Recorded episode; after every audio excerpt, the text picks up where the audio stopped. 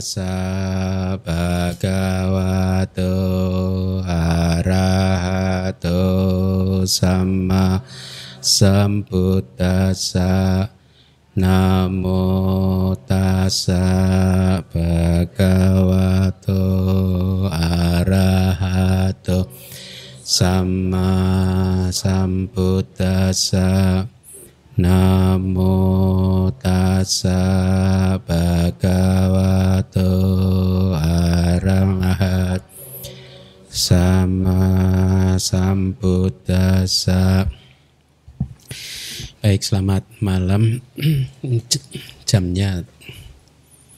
9 menit ya, nggak tepat ya.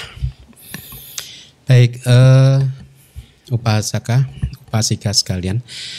Minggu lalu kita sudah memulai kelas bab 5 yang pertama. Ya, kelas pertama. Kita telah melakukan survei dari 31 alam kehidupan ya.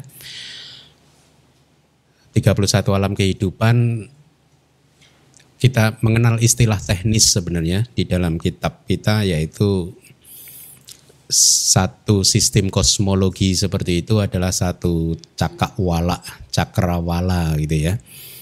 Tulisannya C A G G, sorry C A K K A V A L A. Itu satu sistem kosmologi Buddhis ya 31 terdiri dari 31 alam kehidupan tetapi di banyak kesempatan Buddha mengatakan bahwa terdapat banyak sekali cakrawala. Ya, kalau bahasa Indonesia-nya cakrawala ya.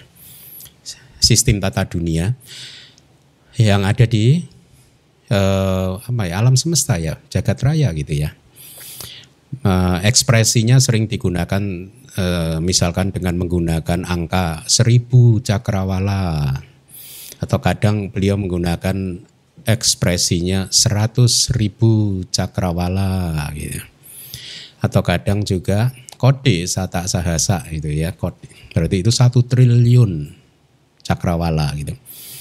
Setiap kali Anda menjumpai ekspresi-ekspresi seperti itu, hendaknya Anda pahami bahwa itu hanyalah ekspresi zaman dahulu untuk memberitahu kita bahwa ada banyak sekali yang tidak bisa dihitung lah ya. Itu kira-kira seperti itu ya. Jadi bukan berarti terus 100 ribu jumlahnya tepat atau satu triliun. Sama.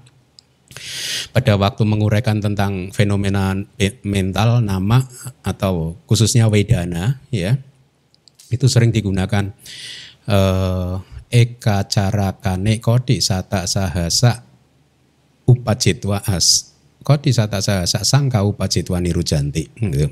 Jadi di dalam satu jentikan jari diperkirakan ada satu triliun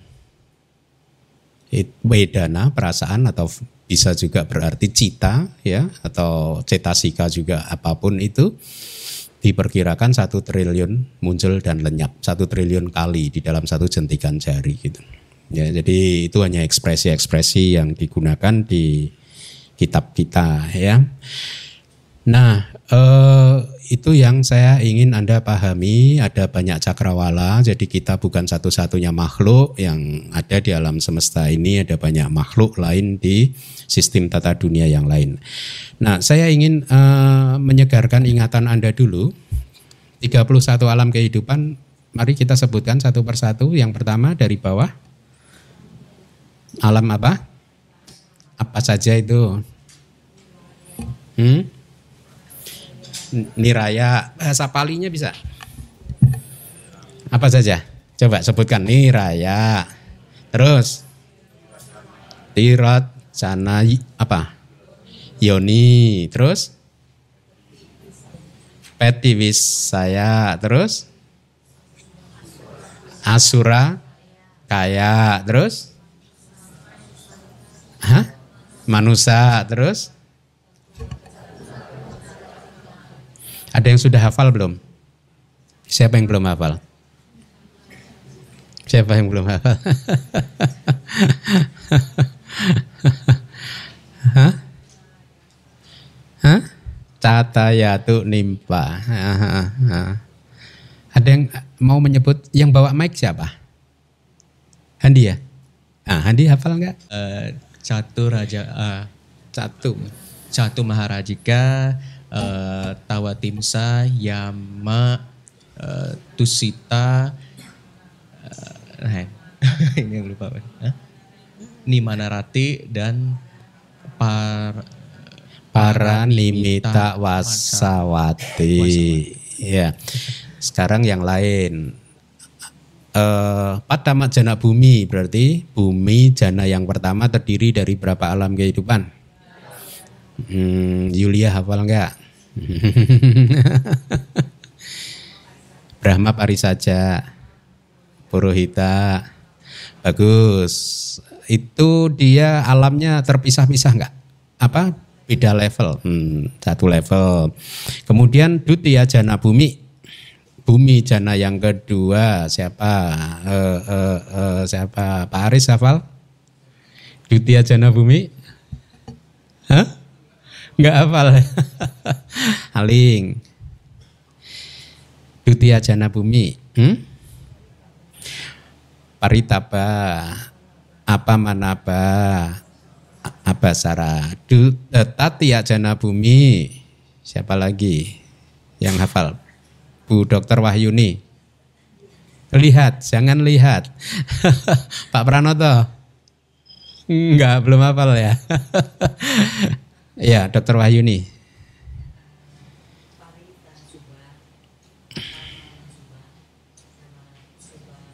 Kinha. Hmm, Sebenarnya gampang kok ya. Yang pertama kan tadi Brahma, Pari saja, Brahma, Purohita, dan Maha Brahma. Jana yang kedua adalah Paritaba, apa Manaba, dan Abasara. Jana yang bumi jana yang ketiga adalah Parita Suba, apa Manasuba, dan Suba Kinha. Kemudian bumi jana yang keempat, WH Pala dulu ya, eh, apa buah besar, buah berlimpah, kemudian asanya sata itu satu level kan. Kemudian alam sudah wasa, ada lima, yaitu apa saja? Awiha, atapa, huh? sudasa sudasi akan nita, ya. Nah, itu harus anda hafal. Kalau kalau bumi non materi mudah ya, namanya sama dengan cita kan? akasanen cahaya tanah bumi, winyanen cahaya tanah bumi, akincenya ya tanah bumi, newasanya na asanya, nasanya bumi, sama dengan nama citanya ya. Nah, eh, poin kedua yang dari eh, kelas lalu sudah saya sampaikan hubungan erat antara cita dan alam kehidupan Anda pahami ya cita dengan nama yang sama, kalau dia muncul sebagai karma, kalau buah karma tersebut berbuah, dia hanya akan berbuah di alam kehidupan yang mempunyai nama sama. Satu itu poin kedua, cita yang mempunyai nama tertentu, dia sering muncul hanya di alam yang mempunyai nama yang sama. Ada hubungan yang erat. Dengan demikian, kenapa ini saya ulangi lagi? Saya ingin anda mulai bisa melihat gambaran abidama, ya, gambaran ajaran Buddha secara lebih uh, lengkap dan lebih jelas lagi. Dan saya berharap puzzle-puzzlenya sudah mulai terlihat jelas ya. Kita sudah sampai ke bab 5, ini sudah mulai tampak jelas. Baik, dari 31 alam kehidupan dibagi menjadi berapa bumi? Hmm? Empat, apa saja? Hmm? apa ya bumi? Terus? Hah? Kapa, kama sugati bumi. Terus? Rupa wacara bumi arupa wacara bumi. Empat alam bisa dibagi menjadi tiga alam apa saja? Kama wacara bumi rupa wacara bumi arupa wacara bumi. Apa arti bumi tingkatan ya dalam konteks ini dianggap uh, diartikan sebagai tingkatan. Nah, dari 31 alam kehidupan, Anda bisa memberikan jawaban kepada saya enggak? Alam mana saja yang dihuni oleh makhluk dengan lima agregat? Atau dari 31 kecuali yang mana saja? Hmm? Hmm? Arupa wacara bumi dan asanya sata. Selain empat arupa wacara bumi dan satu asanya sata, alam selebihnya berarti berapa itu? 5, 26 ya. Itu dihuni oleh makhluk dengan lima agregat. Dari 31 alam kehidupan, alam mana yang dihuni oleh makhluk yang hanya mempunyai satu agregat? Hmm? Asanya sata, bagus. Makhluk tan eh ya, makhluk tanpa batin itu kan hanya mempunyai satu agregat saja. Apa itu? Agregatnya apa? Rupa. Ya, bagus. Berarti rupa kanda saja. Ya, berarti ada satu alam yang hanya dihuni oleh makhluk satu agregat. Kemudian pertanyaan berikutnya, alam mana yang dihuni oleh makhluk? Empat agregat. Hmm? Empat arupa, wacara, bumi. Ya, jadi eh, gambaran ini Anda pahami. Kemudian saya akan tes Anda lagi. Di pelajaran semester lalu kita sudah belajar 12 jenis individu. Betul? Apa saja coba? Hmm? Dugati ahituka. Kemudian Sugati ahituka. Kemudian lihat layar tuh. Kalau Anda benar langsung Sekarang kan apa yang keempat ayo? Hah? Kalau benar dia langsung apa ahituka? Hah? Apa Yulia? Tihituka saja. Kurang lengkap. Nah, bagus, muncul. Kalau benar muncul dia. Yang kelima. Sota Pugela. Ini pugelanya saya tidak cantumkan ya. Kemudian yang keenam. Sakada kami, cepat amat. Sotapati palata pugala ya. Apa sih artinya sotapati magata? Hmm? individu sotapati jalan, jalan sotapati. Hmm. Individu yang mempunyai jalan sotapati atau individu jalan sotapati gitu ya. Sotapati palata individu ya atau individu buah sotapati. Sekarang pertanyaan saya, umur sotapati magata pugala itu berapa? Umurnya? Hmm? Satu momen apa? Kesadaran bagus. Bahasa palinya satu momen kesadaran apa? Cita kan? Nah bagus. Terus umur dari Sotapati Palata itu berapa lama? Tergantung Jawana.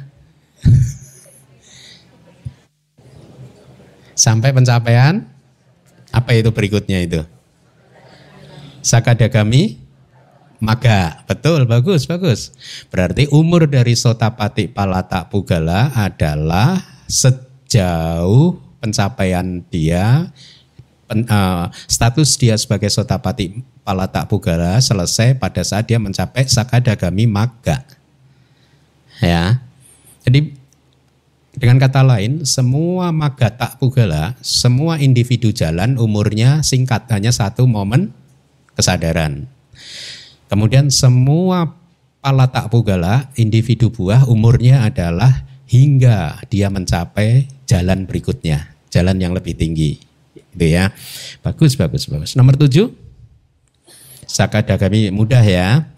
Kemudian nomor delapan, nomor sembilan, sepuluh, sebelas, dua belas, mudah. Sekarang pertanyaan berikutnya. Kalau di Myanmar dulu kita dites begini. Jadi dari 31 alam kehidupan ini, kalau di total, itu nanti Anda akan menemukan 214 pugala. 214 individu. Saya ingin Anda hitung oret-oret di kertas Anda. Ketemu nggak 214 pugala, 214 individunya. Oke, sekarang kita ambil dari bawah. Niraya di dalam neraka ada berapa pugala? Yulia berapa? Berapa berarti berapa jenis pugala? Satu jenis pugala, bagus tulis. Kemudian uh, di Tiracana Yoni berapa pugala? Maling? Satu, tulis. Berarti udah dapat dua ya. Harus ketemu 2004, eh, 214. Kemudian PT Wisaya berapa pugala? Satu lagi. Asurakaya berapa pugala? Satu, berarti sudah empat. Alam di atasnya apa? Manusia berapa pugala? Hmm? 12? Pak Pranoto? Hah? 11 apa saja? Yang enggak ada apa? Dugati apa? Ahituka. Ya, bagus. 11 catat. Berarti udah dapat Hah? 15 ya. Satu Maharajika. Berapa berapa pugala? Hah? Yulia berapa? Satu Maharajika di dalam surga satu Maharajika ada berapa individu? Berapa jenis individu maksudnya? Berapa jenis pugala? Empat. Hmm? Delapan. Hmm? Satu, dua, delapan, sembilan, sepuluh, sebelas. Nah, satu, satu, salah satunya benar. Andi. Enam. Salah. Tetot.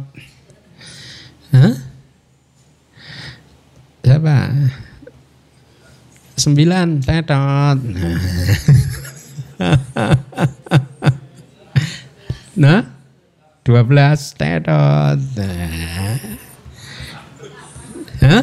Delapan terot. Nah, sebelas. Sebelas sama dengan alam manusia. Satu Maharajika itu ditemukan jenis individunya sama dengan alam manusia. Yang tidak ada hanya dugati ahituka. Poinnya adalah berarti di satu Maharajika juga ada sugati ahituka pugala. Ada dewa yang lahir hanya dengan kesadaran penyambung kelahiran kembali yang tanpa akar. Tapi dari kusala wipaka. Ya, kalau dari apa ya kan dari akusala wipaka.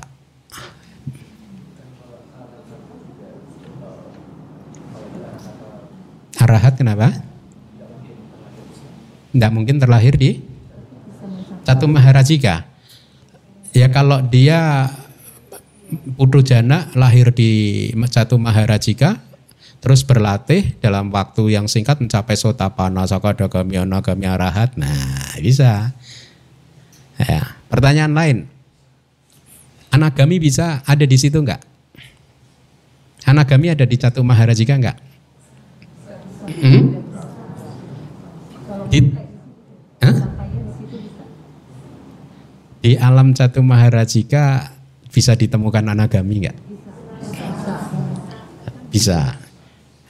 Anagami bisa lahir di situ enggak? Ya, bagus. Nah, pinter gitu kok. Berarti udah ketemu berapa? 26. 26. Eh, dihitung terus ya, dihitung terus. Karena saya nggak punya catatannya nih. Sekarang naik lagi. Tawatingsa berapa?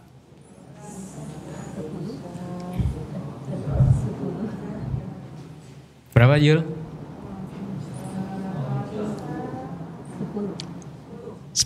Yang nggak ada apa? Nah bagus. Ada 10 individu, jenis individu yang tidak ada yang ahituka. Dua kan ahituka, sugati dan dugati. Nggak ada. Jadi yang ada ahituka pugala itu hanya di surga Jatuh Maharajika. Berarti sisanya 10 semua ini. Berarti ada berapa? Tawatingsa, yatu, 50 ya? 5 alam ya? 5 surga ya? Oke dihitung. 50 berarti sudah ketemu? Hmm? 80? 76. Oke, dihitung ya. Sekarang kita masuk ke bumi jana pertama, ya. Di bumi jana pertama di Brahma Pari saja ketemu berapa individu? Hmm? Apa saja? Pak Kosaseh apa saja yang menjawab? Ah ya baca ternyata. Jangan baca. Jangan baca, jangan baca. Karena percuma, percuma. Kan ini biar Anda nanti apa eh, apa makin makin ngelotok hafal di luar kepala gitu. Oke, sembilan apa saja Pak Kosas? Jangan baca, semua jangan baca. Hmm? Anda ingat nggak saya pernah ceritakan di Myanmar kalau belajar lampu dimatikan? Ini gara-gara kayak gini nih.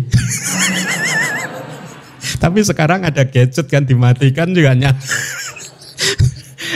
Zaman kita di, dulu di Myanmar begitu loh, ya. Udah mau nyontek sana silakan nyontek matikan lampu. Hah? Tihetuka Pugala sampai Arahata Pugala. Bagus. Berarti berapa? Sem- Sembilan. Semua jangan baca ya karena nanti Anda tidak dapat manfaatnya itu aja. Ini kan saya ingin Anda dapat manfaat. Kemudian Brahma, tadi Parisaja Purohita ada berapa? Hmm? Hmm, tadi Parisaja ya. Nah, Purohita sama. Kemudian Mahabrahma sama berarti 27. Tambah tadi berapa? Mm-mm. Kemudian uh, alam jana yang kedua sama 27. Alam jana yang ketiga berarti udah dapat berapa? Nah, Jangan ada yang baca contekan ya, karena percuma. Nanti Anda nggak dapat. Anda bisa jawab di sini nanti lupa lagi. berarti berapa? 155, oke tambahkan terus. Berarti sekarang alam yang berikutnya apa? Wehapala ada berapa di sana? Sama berarti berapa jumlahnya? Hmm? Hmm? 82, oke. Jumlahkan terus ya. Kemudian alam berikutnya, asanya ada berapa pugala? Hmm? Apa? Apa itu? Tihituka. Itu ya. Ada lagi yang bisa jawab? Kenapa tihituka Pak Kosase? Karena dia mencapai jana. Oke. Oke. Pati sandinya apa? Kenapa kita eh, untuk yang lain? Kenapa kita mengklasifikasikan jenis pugala berdasar eh, menjadi berbagai macam ada 12 berdasarkan ak- akar kan? Kenapa? Karena berdasarkan patik sandi citanya. Hah? Bener ya? Oke. Asalnya sata patik sandinya apa? Materi kan rupa kan jiwi tanawaka kalapa Anda belum belajar ini nanti semester depan Anda belajar ini. Nah, materi ini di dalam abidama disebut sebagai fenomena tanpa akar. Tidak mempunyai akar. Ya, tetapi karena dia ada di alam penuh kebahagiaan, alam yang bahagia, alam yang baik, maka dia dikatakan apa ahitukanya yang sugati. Sugati ahituka. Berarti ada satu meskipun bukan cita ya, tapi padik sandinya adalah rupa. Oke, paham ya? Dianggap sebagai tanpa akar, tetapi dia sugati, bukan dugati. Kemudian di, nah sekarang nih di Sudawasa ada berapa? Hmm? Apa saja? Ada Ntar, tadi 4, 5, 3, 6, 7, yang mana nih? Ah, ada berapa individu? Apa saja?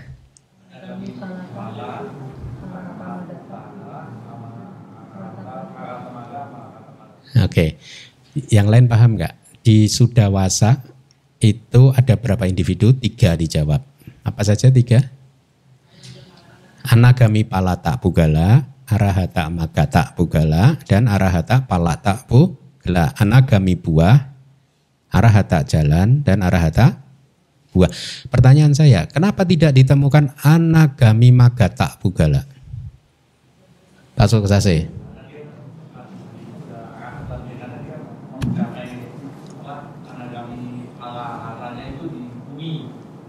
Gimana gimana? di alam lain. Jadi pas dia meninggal, dia dia sebagai kami. Kenapa? Nah, diulangi lagi. Kenapa tidak ditemukan anagami magata pugala di Sudawasa? Maga. Ya, bagus, bagus, bagus. bagus, bagus, bagus. Sadu, sadu. Pencapaian anagami jalannya ada di alam lain. Baru kemudian beliau meninggal dunia sebagai anagami palata pugala kan. Kemudian terlahir di Sudawasa.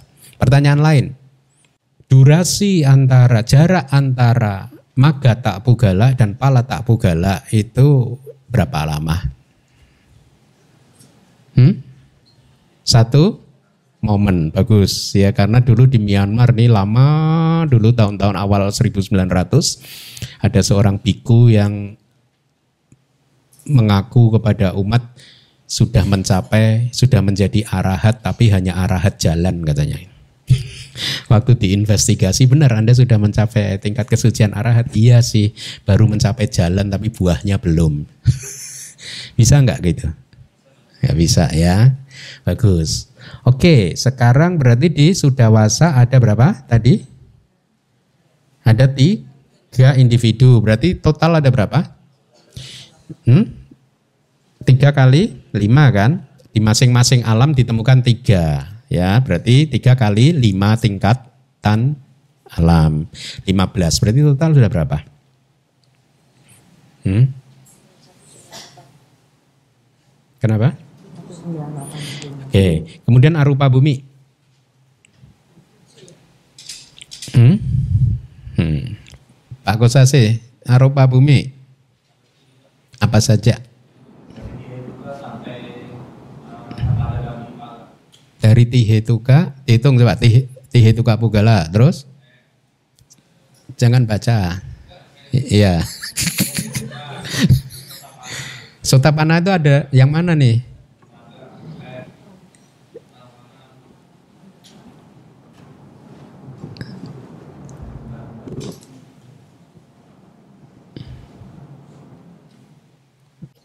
Handi. Handi ada berapa Handi? Di di eh, masing-masing alam dari arupa. Masing-masing. Tujuh. Apa saja? Pugala, Tihetu- Sotapati Pala, eh Sotapati Maga Pugala, Sotapati Ma- eh, Maga Pugala, Sakadagami Maga Pugala, Sakadagami Pala Pugala, sampai Anagami Maga Pul- eh, Pala Pugala. Berarti enggak tujuh dong. Dihitung. Tihetuka, Tihetuka Pugala, Sotapati eh, Maga Pugala, Sotapati Pala Pugala, Sakadagami Maga Pugala, Sakadagami Pala Pugala, eh, Anagami Maga Pugala, Anagami eh, Pala Pugala. Hmm? Tujuh. Terus arahat nggak nggak ketemu di sana? Arhat enggak? Kenapa nggak ketemu arahat amaga?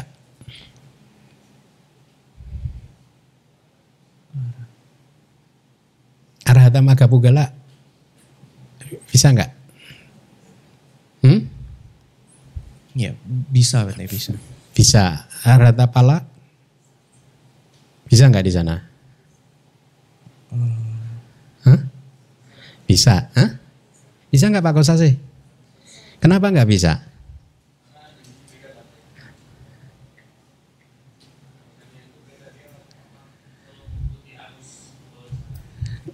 Enggak begitu. Ketemu dong.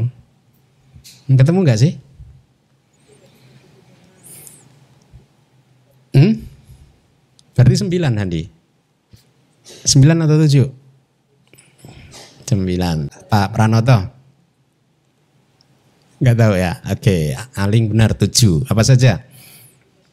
Tihetuka Pugala satu. Sotapati Palata Pugala. Kenapa Sotapati Maga tidak ditemukan di sana? Tidak bisa karena untuk dari Pudujana untuk mencapai Sotapati Maga dia butuh para togosa, suara dari orang lain. Ya. Dia membutuhkan bimbingan dari guru lain, ya. Sedangkan kalau dia lahir di Arupa bumi masih menjadi Pudujana, maka sampai hidupnya selesai di sana dia nggak akan bisa menjadi Arya karena syaratnya adalah pratogosa mendengar suara orang lain padahal dia nggak punya indera telinga di sana karena nggak punya tubuh jasmani sama sekali Ya, bagus. Jadi tihe itu pugala, sotapati, palata pugala dan sisanya. Tujuh. Tujuh kali empat berapa? 28 ditambah yang tadi berapa? Coba, Dokter Wahyuni berapa? Ketemu enggak?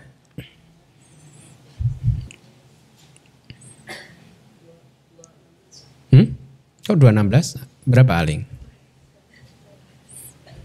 Ada yang sudah menghitung, ketemu berapa? Hmm? Yuk kalau yang belum menghitung kita Anda bikin catatan karena ini agak agak penting juga buat pemahaman Anda sih.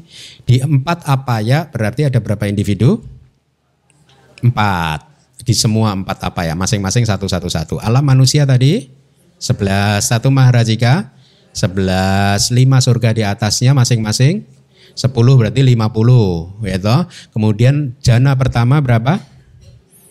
tiga alam masing-masing sembilan berarti dua puluh tujuh. Jana kedua dua puluh tujuh. Jana ketiga dua puluh tujuh. WH pala sembilan saja. Ya bagus. Asalnya sata satu. Kemudian uh, arupa wacara. Eh sorry sorry. Sudah wasa tiga tiga tiga tiga lima belas kemudian arupa wacara hmm? Hmm, berapa jadi? Eh, tadi benar arupa salah dong, enggak tujuh dong. Hmm? Kan dari delapan Arya Pugala dikurangi satu tujuh kan, ditambah Tihetuka kan, berarti delapan. Delapan, delapan, delapan, delapan, tiga puluh dua. Berarti ketemu.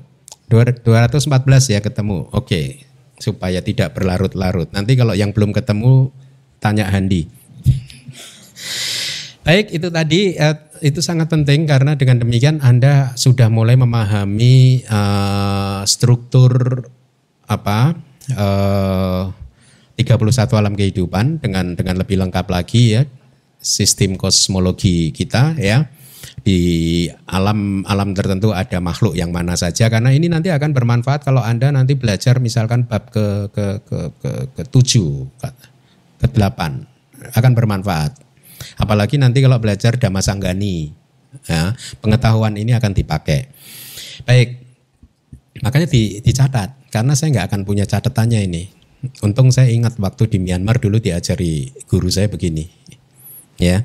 Ini di kitab Wibawi ini juga tidak ada. Model Myanmar ini. ya Sangat bermanfaat nanti Anda untuk belajar bab-bab berikutnya dan Damasanggani khususnya. Oke, sekarang kita masuk topik kita pada malam hari ini yaitu tentang empat macam pati sandi ya. E, empat macam pati sandi, empat macam e, penyambung kelahiran kembali. Mari dibaca yang kuningnya penyambung kelahiran kembali di bumi kemalangan, penyambung kelahiran kembali di bumi yang penuh kebahagiaan indriawi, penyambung kelahiran kembali di bumi lingkup materi halus, dan penyambung kelahiran kembali di bumi lingkup non-materi dinamakan empat macam penyambung kelahiran kembali. Iya, kalau minggu lalu kita belajar empat bumi, maka sekarang kita belajar empat macam padik sandi. Uh, anda baca bahasa palinya di atas itu apa ya padik sandi? Ikuti saya. Apa ya pati sandi? Kama sugati pati sandi, rupa wacara pati sandi, arupa wacara pati sandi. Bagus. Nah, uh, saya harap Anda masih ingat pati sandi adalah momen pertama, muncul di momen pertama di dalam satu kehidupan. Jadi lihatlah karma itu kekuatannya bisa sekuat itu. Pati sandi ini kan buah dari karma ya. Dia muncul di momen pertama dari satu kehidupan dan kemudian buah karmanya tidak habis loh. Buah karmanya ini terus berbuah sepanjang kehidupan sampai detik terakhir nanti. Sampai momen terakhir yaitu masih memunculkan kesadaran kematian cuti cita. Di antara padik sandi dan cuti cita buah karma ini terus menerus muncul sehari-hari ini kita alami melalui kemunculan bawangga faktor kehidupan yang menyambung satu kehidupan ini supaya uh, tidak tidak supaya kita tidak meninggal dunia gitu. Setiap bawangga itu muncul setiap kali tidak ada objek baru yang masuk ke dalam jangkauan indera-indera kita. Kalau tidak ada objek baru yang masuk ke dalam jangkauan, maka arus kesadaran kita jatuh lagi ke dalam bawangga. Ya, di bab keempat kita sudah belajar tentang ini kan. Nah, tapi secara teknis sebenarnya baik padi sandi cita, bawangga cita maupun cuti cita itu adalah bawangga cita. Ya, itu adalah kesadaran faktor kehidupan. Ya disebut berbeda hanya untuk mempermudah kita. Jadi bawangga yang muncul di momen pertama dari satu kehidupan disebut padik sandi cita. Bawangga yang muncul di paling akhir di satu periode kehidupan disebut sebagai cuti cita. Tapi tiga-tiganya ini bawangga. Ya, kalau nanti anda baca kitab Abhidhamma Pitaka, ya kadang makanya sering saya katakan kalau seseorang yang tidak menguasai Abhidhamma Tak Sanggaha pasti dia akan kesulitan kalau tidak bahkan tidak akan bisa membuka Tripitaka. Eh, Abhidhamma Pitaka. Karena untuk bisa membuka Abhidhamma Pitaka, Anda membutuhkan pemahaman terminologi-terminologi seperti ini. Kadang nanti di Wibangga, di kitab-kitab yang lain, di sana hanya diuraikan bawangga saja, tetapi padahal itu merujuk pada Padik Sandi dan Cuti Cita, misalkan begitu. Kalau Anda tidak paham Abhidhamma Tak Sanggaha, maka Anda akan keliru menginterpretasikan penjelasan di kitab-kitab Abhidhamma Pitaka. Ya.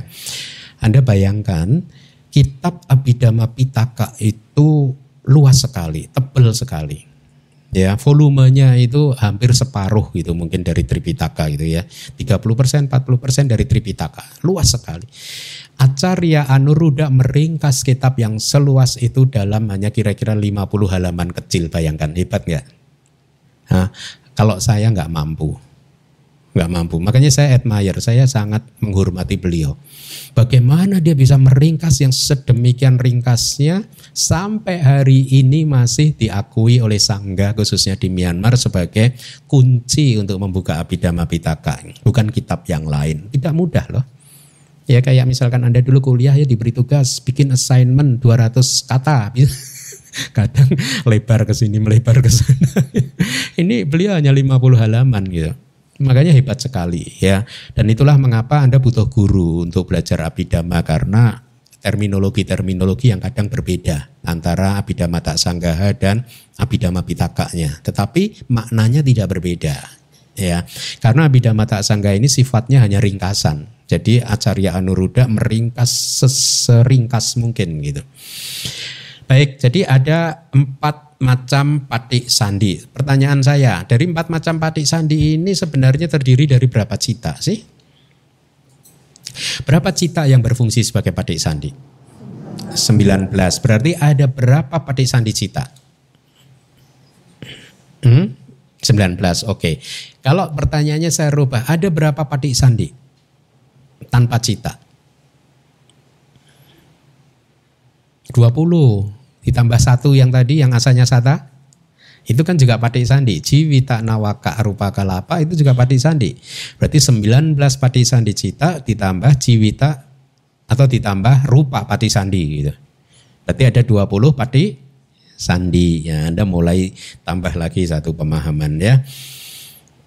Kemudian silahkan dibaca dulu yang kuning dalam hal ini, resultan tidak baik, kesadaran yang menginvestigasi yang disertai dengan ketenangan menjadi kesadaran penyambung kelahiran kembali pada saat masuk ke dalam bumi kemalangan. Titik. Berarti ini adalah UPK Sahagata, UPK Santirana yang aku salah wipaka. Kita mengenal berapa Santirana cita? Tiga. Yang UPK berapa? Dua. Yang satu berasal dari akusala wipaka, yang satu dari kusala wipaka. UPK Santirana akusala wipaka atau akusala wipaka UPK Santirana cita berfungsi sebagai padik sandi di empat alam apa ya ya. Kemudian silakan dibaca. Lalu setelah itu menjadi faktor kehidupan. Akhirnya menjadi kesadaran kematian dan terpotong. Satu-satunya inilah yang dinamakan sebagai penyambung kelahiran kembali di bumi kemalangan. Ya, terpotong itu artinya meninggal dunia ya. Tadi sudah saya sebutkan ya. Kemudian dilanjutkan Selanjutnya, Resultan baik kesadaran yang menginvestigasi yang disertai dengan ketenangan berlangsung sebagai penyambung kelahiran kembali, faktor kehidupan dan kematian manusia-manusia yang buta sejak lahir, dan lain-lain.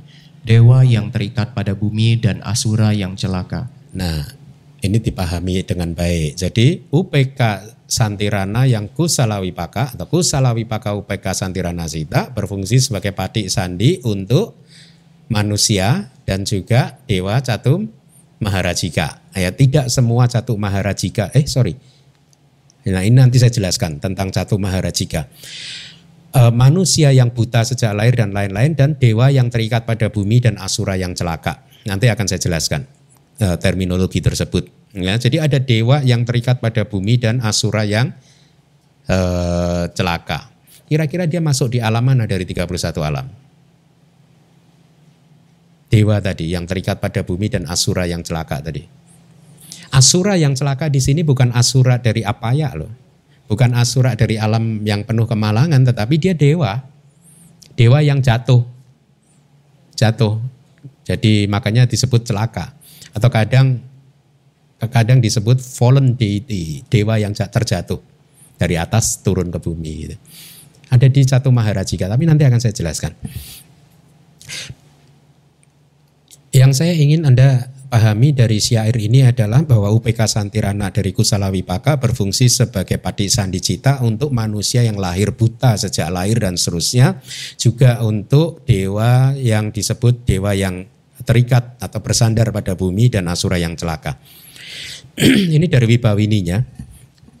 Tadi ada kata-kata pada saat masuk ke dalam, yaitu artinya pada momen kelahiran kembali atau konsepsi.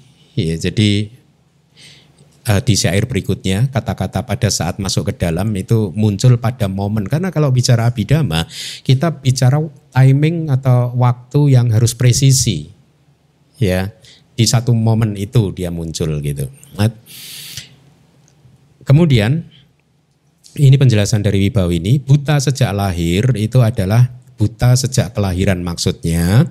Dalam hal semua makhluk yang lahir melalui telur dan kandungan tidak memiliki mata di momen kelahiran. Maksudnya begini.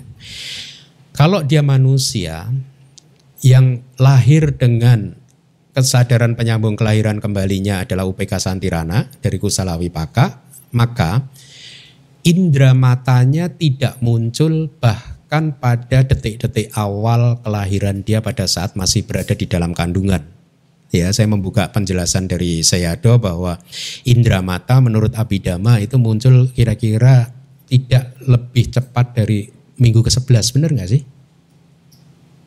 Indra panca indra itu minggu ke-11 ke atas gitu.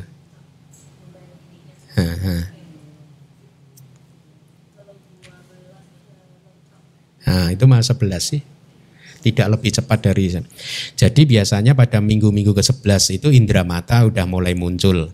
Itu waktunya untuk muncul. Kalau pada saat-saat tersebut panca indera tidak muncul maka itu yang dikatakan buta sejak lahir. Tetapi diberi penjelasan kenapa tidak muncul. Tidak munculnya adalah karena karma produktifnya yang menghasilkan kehidupan dia sebagai manusia tidak cukup kuat untuk memunculkan panca indera pada waktu yang seharusnya. Itu definisinya.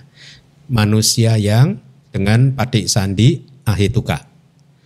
Tetapi kan ada manusia masuk ke dalam kandungan setelah usia tiga bulan, empat bulan ibunya, mamahnya ceroboh, kandungannya membentur tiang, kemudian menyebabkan anaknya tuli, cacat atau apa pun itu.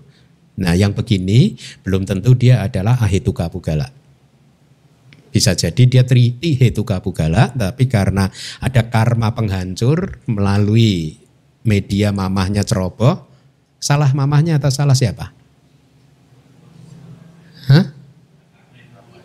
Hah? Itu yang salah siapa?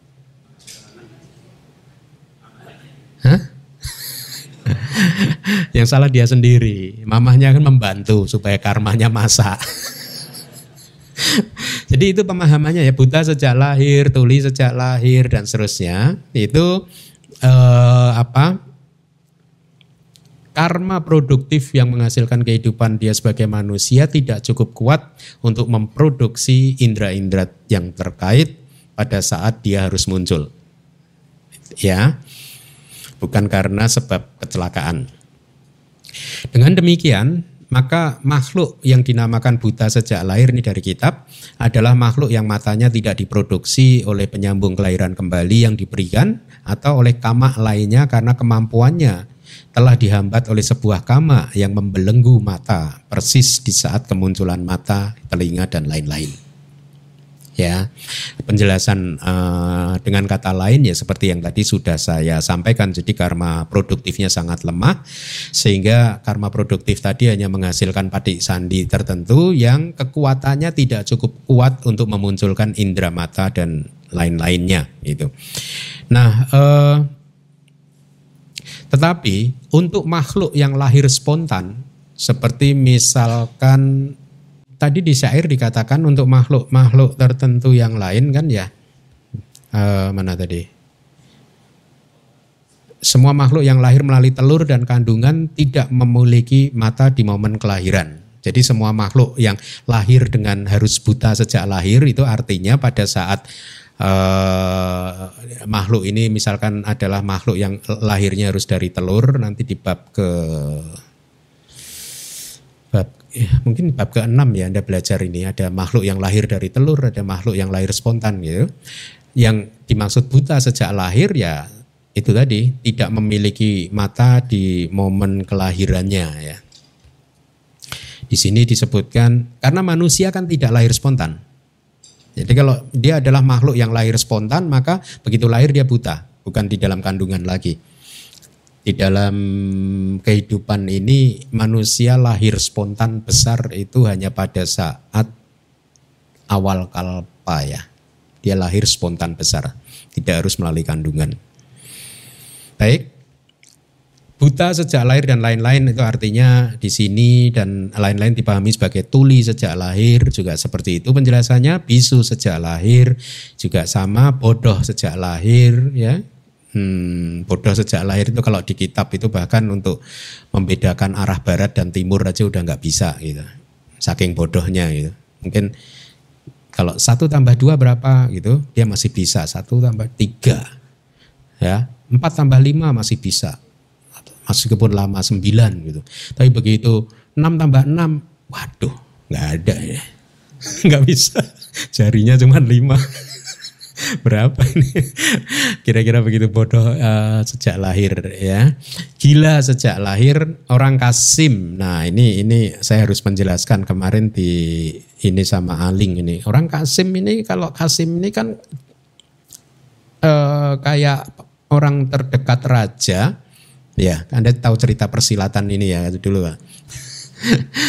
Raja dulu supaya permaisurinya nggak diganggu, maka pengawal orang terdekat yang yang yang membantu permaisuri harus di bikin kasim gitulah ya.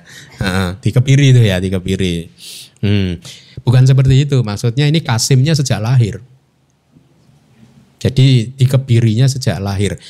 Saya sempat mencari di kitab komentar bahasa palinya ini adalah pandaka. P A N D A K A kalau Anda ingin tahu. Pandaka.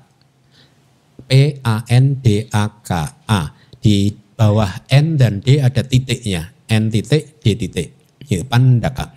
Saya coba search saya bilang ke Aling ini sensitif sekali sih saya agak agak repot menjelaskannya ini karena nanti bisa dikomplain saya gitu dalam hati. Saya tidak menemukan penjelasan dari kitab komentar sehingga kami saya hanya mencoba untuk menduga-duga saja kata pandaka itu berasal dari apa plus anda. Apa itu devoid? Nggak ada. Nggak punya gitu. Anda itu telur. Nggak punya telur gitu. Saya sempat tanya ke teman saya di Myanmar ini referring ke perempuan nggak? Gitu. Uh, dia juga nggak bisa menjawab kepastiannya. Tapi kalau saya mengikuti teks kayaknya ini hanya merujuk pada laki-laki kalau saya mengikuti teks, tapi kan jadi nggak adil kan. Yang perempuan seneng sih. Iya menang. Sesekali menang. Jadi eh, tidak punya telur kira-kira gitu. laki-laki anak yang begitu. Jadi saya minta maaf, jangan diprotes ya kalau saya men harus menjelaskan ini. Saya bisa salah, tetapi ini yang saya ketahui. Jadi ini adalah merujuk kepada seseorang yang mandul sejak lahir. Banci, maaf ya, maaf. Ini maaf. Ya, sejak lahir, memang karakternya sejak lahir sudah seperti itu. Terus apa lagi? Uh, hasil survei saya, hmm, Ya hanya itu, itu mencakup itu. Jadi mandul, Kasim itu mandul ya. Dan itu sejak lahir, artinya sejak lahir itu gini loh. Karma produktifnya tidak cukup untuk memproduksi apa itu Bu dokter pasti lebih tahu yang bisa untuk menghasilkan reproduksi sejak sejak momen pertama. Kemudian banci juga sejak momen pertama. Saya sebenarnya agak berat ngomong ini juga. Takut menyinggung nanti yang menonton YouTube. Ya, kalau di kitab itu ada penjelasan lagi kira-kira perilakunya itu aneh gitu. Hanya begitu aja tapi nggak dijelaskan secara detail tapi dari berbagai sumber itu menunjukkan memang itu banci. Maaf ya, maaf ya. Ya. Nah, eh, beberapa guru di masa lalu menyatakan bahwa ada orang yang pati sandinya ahituka tetapi memiliki indera-indera lengkap meskipun kualitasnya lemah ya. Itu ada di kitab komentar tetapi penjelasan seperti ini tidak dianut oleh mayoritas. Berarti yang buta sejak lahir, tuli sejak lahir, bodoh, uh, kasim dan seterusnya itu adalah makhluk ahituka pasti gitu. Ya.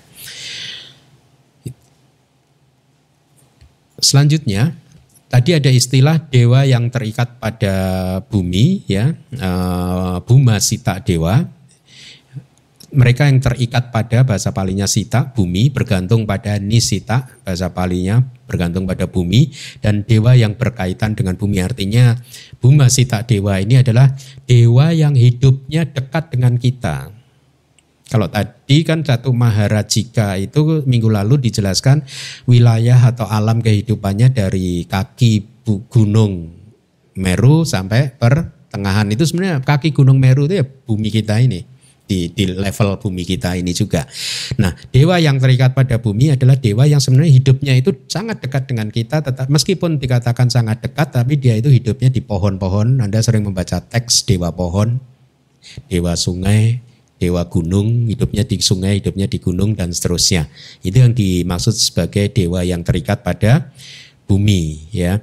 Kemudian tadi ada kalimat asura yang celaka itu sebenarnya adalah dewa yang jatuh mengalami keruntuhan dari akumulasi kehidupan. Nah, tadi saya sampaikan di awal bahwa saya akan menjelaskan terminologi ini karena ternyata Abhida Mata Sanggaha yang saya punya itu adalah versi Sri Lanka dan versi Sri Lanka ini berbeda dengan versi Myanmar dan versi Palitex Society ya. PTS uh, biasanya kita kalau sebagai akademisi Buddhis kalau menulis karya tulis tes tesis tesis gitu ya kita hanya diperbolehkan menggunakan referensi yang berasal dari PTS PTS Pali Text Society London. Di perpustakaannya Bu apa DBS yang di N2 itu kita punya tapi yang bahasa Inggrisnya ya. Pali belum punya ya Bu? Atau udah ya? Belum ya? Pali Mandarin malah punya. Mudah-mudahan satu saat kita punya palinya. Karena dulu waktu kita menulis karya tulis kita harus merujuk pada kitab Pali yang terbitan PTS tidak yang lain-lain. Sehingga standar seluruh dunia itu standar. Akhirnya begitu ya. Nah, saya baru sadar bahwa ternyata kitab Pali yang saya punya yang ada di komputer ini menggunakan versi Sri Lanka sehingga penjelasannya berbeda dengan penjelasan di Myanmar dan di Palitex Society. Per perbedaannya adalah gitu.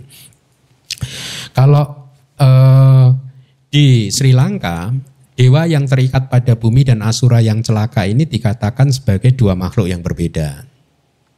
Tetapi di Myanmar itu adalah sebenarnya merujuk pada satu makhluk yang sama.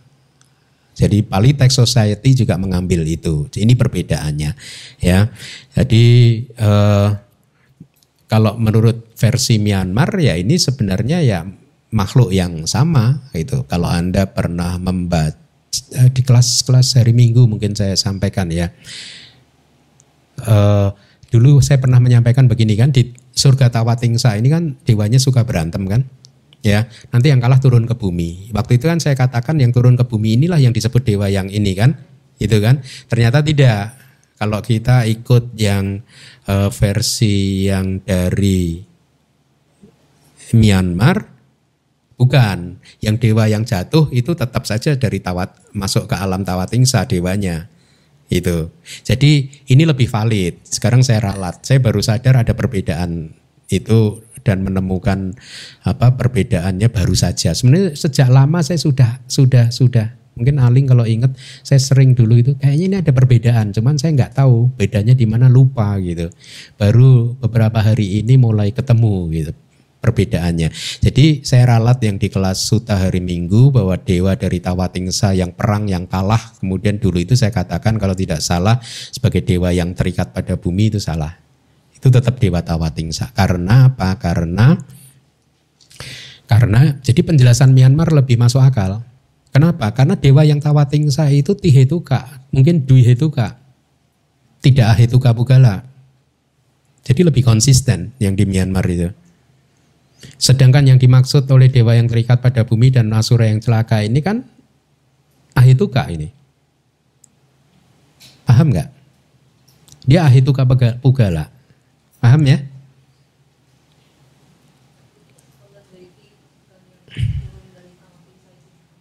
fallen deity deity eh, kalau kita mengikuti kitab dari ini itu adalah Winipatika Asura. Jadi ini yang celaka ini, Asura yang celaka ini. Bukan, bukan dari Tawatingsa. Ini adalah dewa dari Catu Maharajika. Itu adalah dewa yang uh, uh, adik sandinya Ahituka. Yang lahir dengan ahituka padik sandi coba apa saja dibaca. Manusia yang lahir hmm, saya ini kan aja sairnya ya.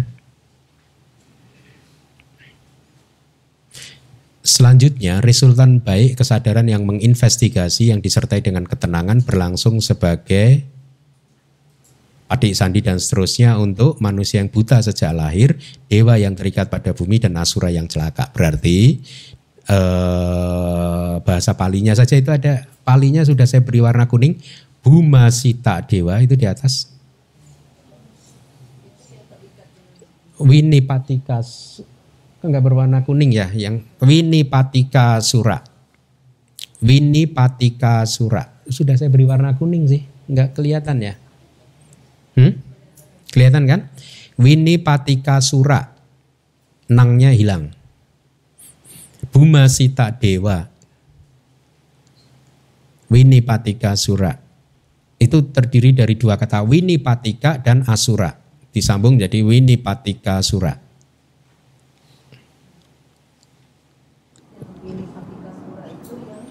Ahituka. Uh, uh, Asura yang celaka. Hmm? Dia tidak jatuh dari mana-mana kalau versi versi versi Myanmar gitu. Kalau versi Sri Lanka dia dianggap jatuh dari Tawatingsa tapi jadi tidak konsisten karena dia adalah Ahituka Pugala. Di Tawatingsa kan tidak ditemukan Ahituka Pugala. Ditemukan enggak? Enggak kan? Tadi dihitung ada berapa individu kan? Enggak ada kan? Ya kan? Jadi konsisten, lebih konsisten Myanmar. Mm -mm. Dua ini adalah satu Maharajika, Buma Sita Dewa dan Binipatika Sura. Jadi dia bukan asura dari Apaya, bukan, tapi satu Maharajika. Tetapi kurang beruntung, ya karena dia lahir dengan uh, padik sandinya itu hanya ahituka, makanya dia hidupnya di pohon, di sungai, di gunung dan di kitab Myanmar dijelaskan dewa-dewa ini ya dua dewa ini hidupnya tidak sebahagia dewa yang benar-benar hidupnya di Catu Maharajika.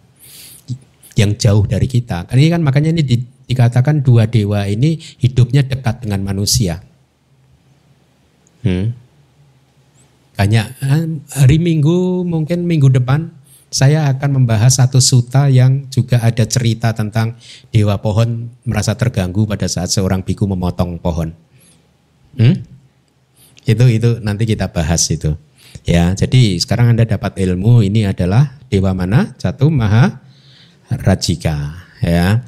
Kenapa disebut celaka? Kenapa disebut terikat pada bumi? Dianggap ini adalah dewa meskipun dewa tetapi dia tidak beruntung. Kenapa tidak beruntung? Karena dia hanya ahituka bugala. Kenapa ahituka bugala? Karena karma baiknya tidak cukup kuat. Logikanya begitu sehingga meskipun dia dewa, hidupnya banyak susahnya. Makanya dia masih gampang marah dan dikatakan di kitab Myanmar dewa-dewa seperti ini sering kali kekurangan makanan juga. Tidak seperti dewa yang yang yang lahir dengan akar dua akar atau tiga akar. Gitu. Makanya dianggap celaka dia, mengalami kecelakaan gitu ya. Jadi dipahaminya seperti itu ya. Kalau Dewa Catu Maharajika yang dengan dua akar atau tiga akar kehidupannya jauh lebih enak daripada dewa-dewa ini. Jadi perbedaannya seperti itu. Kenapa berbeda? Karena karma produktifnya kualitasnya berbeda. Kenapa bisa begitu? Yang ini nanti di bab saya rasa di hukum karma nanti di, di bab karma akan saya bahas. Kenapa ada manusia yang lahir buta sejak lahir, ada dewa yang seperti ini? Karma yang karma yang seperti apa yang membuat mereka seperti ini? Nanti di topik empat karma kita akan belajar ini. Ya. Tapi horor. Hah? Siapa? Hah? Umat awam. Hmm, ya, ya suka ada sih, tapi tapi nggak di sini sih di hutan di dewa dewa dewa pohon, sungai gunung gitu. Ya itu bisa jadi sih ini juga peta juga bisa, dewa juga bisa sih. Karena hidupnya satu lokasi. Peta saya dulu di hutan juga bisa. Tetanggaan. Enggak. Pokoknya dekat dengan manusia lah. Oke, kita teruskan ya. Uh, saya akan selesaikan topik ini. Buta sejak lahir sudah. Uh, ini juga sudah ya.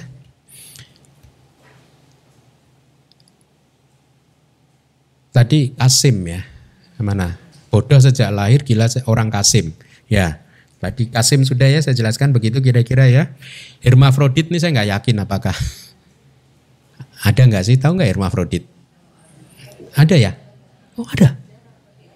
Hah? Nah, untung ada dokter loh. Saya tadi nggak masa ada sih hermafrodit. Saya, kalau kalau hewan binatang tahu saya ada hermafrodit, binatang hermafrodit.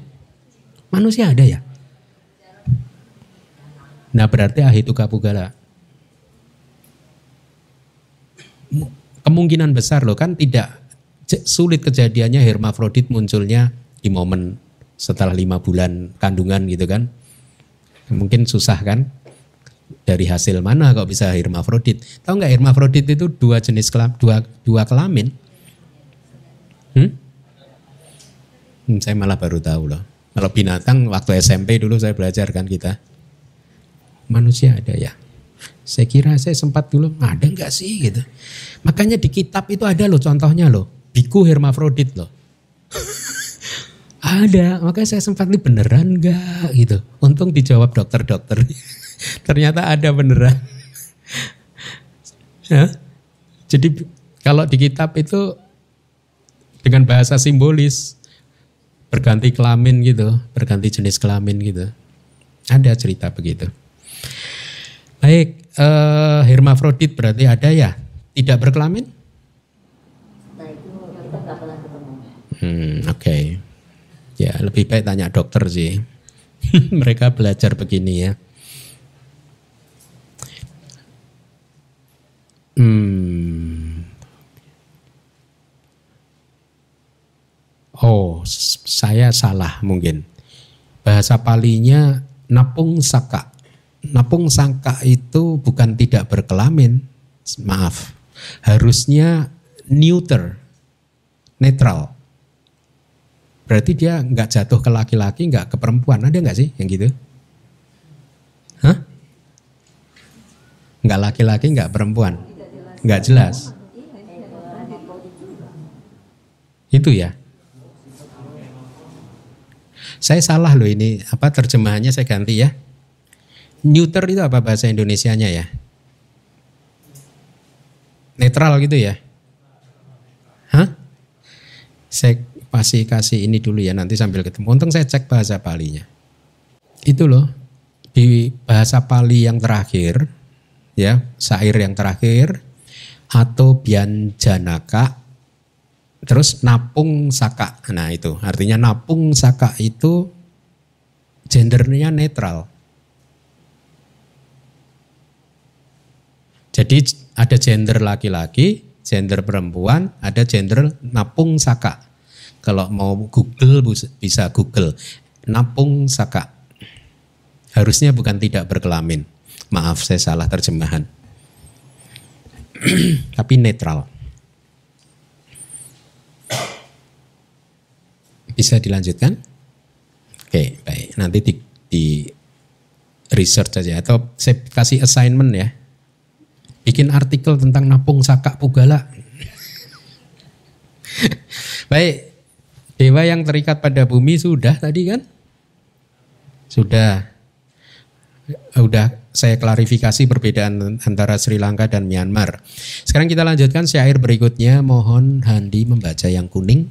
Delapan resultan besar mengalir sebagai penyambung kelahiran kembali faktor kehidupan dan kematian di bumi yang penuh kebahagiaan indriawi mana pun. Jadi bumi yang penuh kebahagiaan indriawi yang mana pun itu yang mana? Hmm? Ya kalau kita globalkan ya delapan mahawipaka berarti ya di alam surga lingkup indriawi, alam surga materi halus dan alam surga non materi. Ya. Jadi di alam yang atas, alam surga. Tapi kalau kita pecah lagi delapan mahawipaka menjadi dua akar dan tiga akar, maka yang dua akar tidak akan ditemukan di rupa bumi dan arupa bumi. Ya hanya asanya sata itu pun tanpa akar. Paham ya? Kemudian syair berikutnya. Sembilan ini dinamakan kesadaran penyambung kelahiran kembali di bumi yang penuh kebahagiaan indriawi. Sembilan itu mana saja? Ahituka, eh, UPK Santi, Kusala Wipaka UPK Santirana satu, kemudian delapan Mahawipaka, sembilan kesadaran ini berfungsi sebagai padik sandi di bumi yang penuh kebahagiaan indriawi. Berarti di sini adalah hanya untuk kama sugati berarti sekarang sedang merujuk kepada alam manusia dan enam alam dewa atau surga ya tujuh alam tersebut ya. Ini penjelasannya dari kitab Wibawi ini di bumi yang penuh kebahagiaan indriawi mana pun itu artinya di tujuh jenis ya. Berarti tadi sudah saya ralat ya. Kita merujuk kepada tujuh jenis bumi yang penuh kebahagiaan yang meliputi para dewa dan manusia. Dewa di mana? Dewa catu maharajika tawating saya matusita Nimanarati dan para nimita wasawati. Nanti di pelajaran-pelajaran berikutnya kadang kita akan menemukan istilah dewa materi halus. Jadi Brahma pun juga disebut dewa. Itu ya. Alam Brahma pun juga disebut surga. Gitu. Makanya di sini disebut bumi yang penuh kebahagiaan itu bahasa palinya adalah kama sugati ada di bahasa Pali yang tebal di bawahnya. Kama sugati. Bumi yang penuh kebahagiaan indriawi harusnya. Saya kurang lagi ini maaf. Yang lain udah saya ganti. Ada kata indriawinya. Udah saya revisi. Jadi di tujuh jenis bumi yang penuh kebahagiaan indriawi. Kama. Jadi tidak termasuk rupa bumi dan arupa bumi. Bagus. Kita lanjutkan. Silakan. Sepuluh jenis ini disebut sebagai kesadaran penyambung kelahiran kembali lingkup indriawi. Ya, jelas ya. Oke, kok sepuluh ya? Oh iya, ahitukannya dua. Ya, karena dia lingkup indriawi termasuk apaya juga. Ya, bagus. Kemudian Di antara mereka tidak ada ketentuan jangka waktu untuk batas usia makhluk-makhluk di empat bumi kemalangan, para manusia dan asura yang celaka. Nah, jadi artinya makhluk yang hidup di empat apaya, kemudian kita manusia dan asura yang celaka itu usianya tidak ada batas waktunya. Artinya bervariasi. Dulu di masa lalu dikatakan di kitab-kitab kita usia manusia bisa ribuan tahun. Bahkan ada yang nanti bisa sampai 80 ribu tahun, kira-kira begitu. Terus ada juga di kitab kita nanti usia manusia maksimal hanya 10 tahun. Sekarang ini dikatakan usia kita, kalau pada waktu Buddha hidup ada ada syair kira-kira begini. Pada zaman Buddha masih hidup, usia manusia hanya akan sampai pada 100 tahun yang pertama, tetapi tidak akan bisa masuk ke 100 tahun yang kedua. Berarti kira-kira usianya 100 tahun gitu ya. Ada syair yang kira-kira begitu eh, artinya. Jadi di zaman Buddha 100 tahun kalau dulu saya ada saya guru saya menjelaskan kira-kira saat ini 80 tahun udah reduce. Ini sedang menurun nih nanti makin lama katanya makin turun sampai ke 10 tahun. Dan nanti setelah sampai us- usia manusia batasnya hanya 10 tahun, para gadis umur 5 tahun udah pada menikah. Kemudian naik lagi sampai tidak terhingga turun pada saat mencapai 80 ribu tahun. Dalam proses proses naik agama Buddha, ajaran Buddha Gotama hilang. Kemudian turun sampai 80 ribu tahun, Buddha Maitreya turun. Kalau tidak salah seperti itu, itu disutanya seperti itu. Jadi masih lama. Kiamatnya juga masih lama.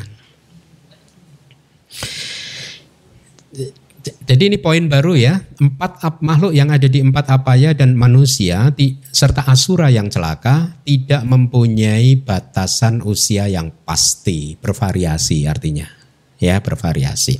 Karena nanti akan berbeda untuk makhluk dewa di alam yang lain. Batas usianya fix, tetap. Ya. Tetap ada batasannya gitu. Di antara mereka tadi artinya di antara individu yang terkait dengan penyambung kelahiran kembali seperti yang telah disampaikan atau di antara alam kemalangan dan lain-lain tidak ada ketentuan jangka waktu untuk batas usia itu karena beberapa dari mereka panjang umur dan beberapa dari mereka lebih panjang umur. Bagus ya syair yang orang dulu itu sangat halus ya. Beberapa panjang umur, beberapa lebih panjang umur. Coba orang sekarang, beberapa panjang umur, beberapa pendek umur. Orang dulu bagus ya, panjang semua, panjang umur semua, lembut sekali orang. ya, oke. eh,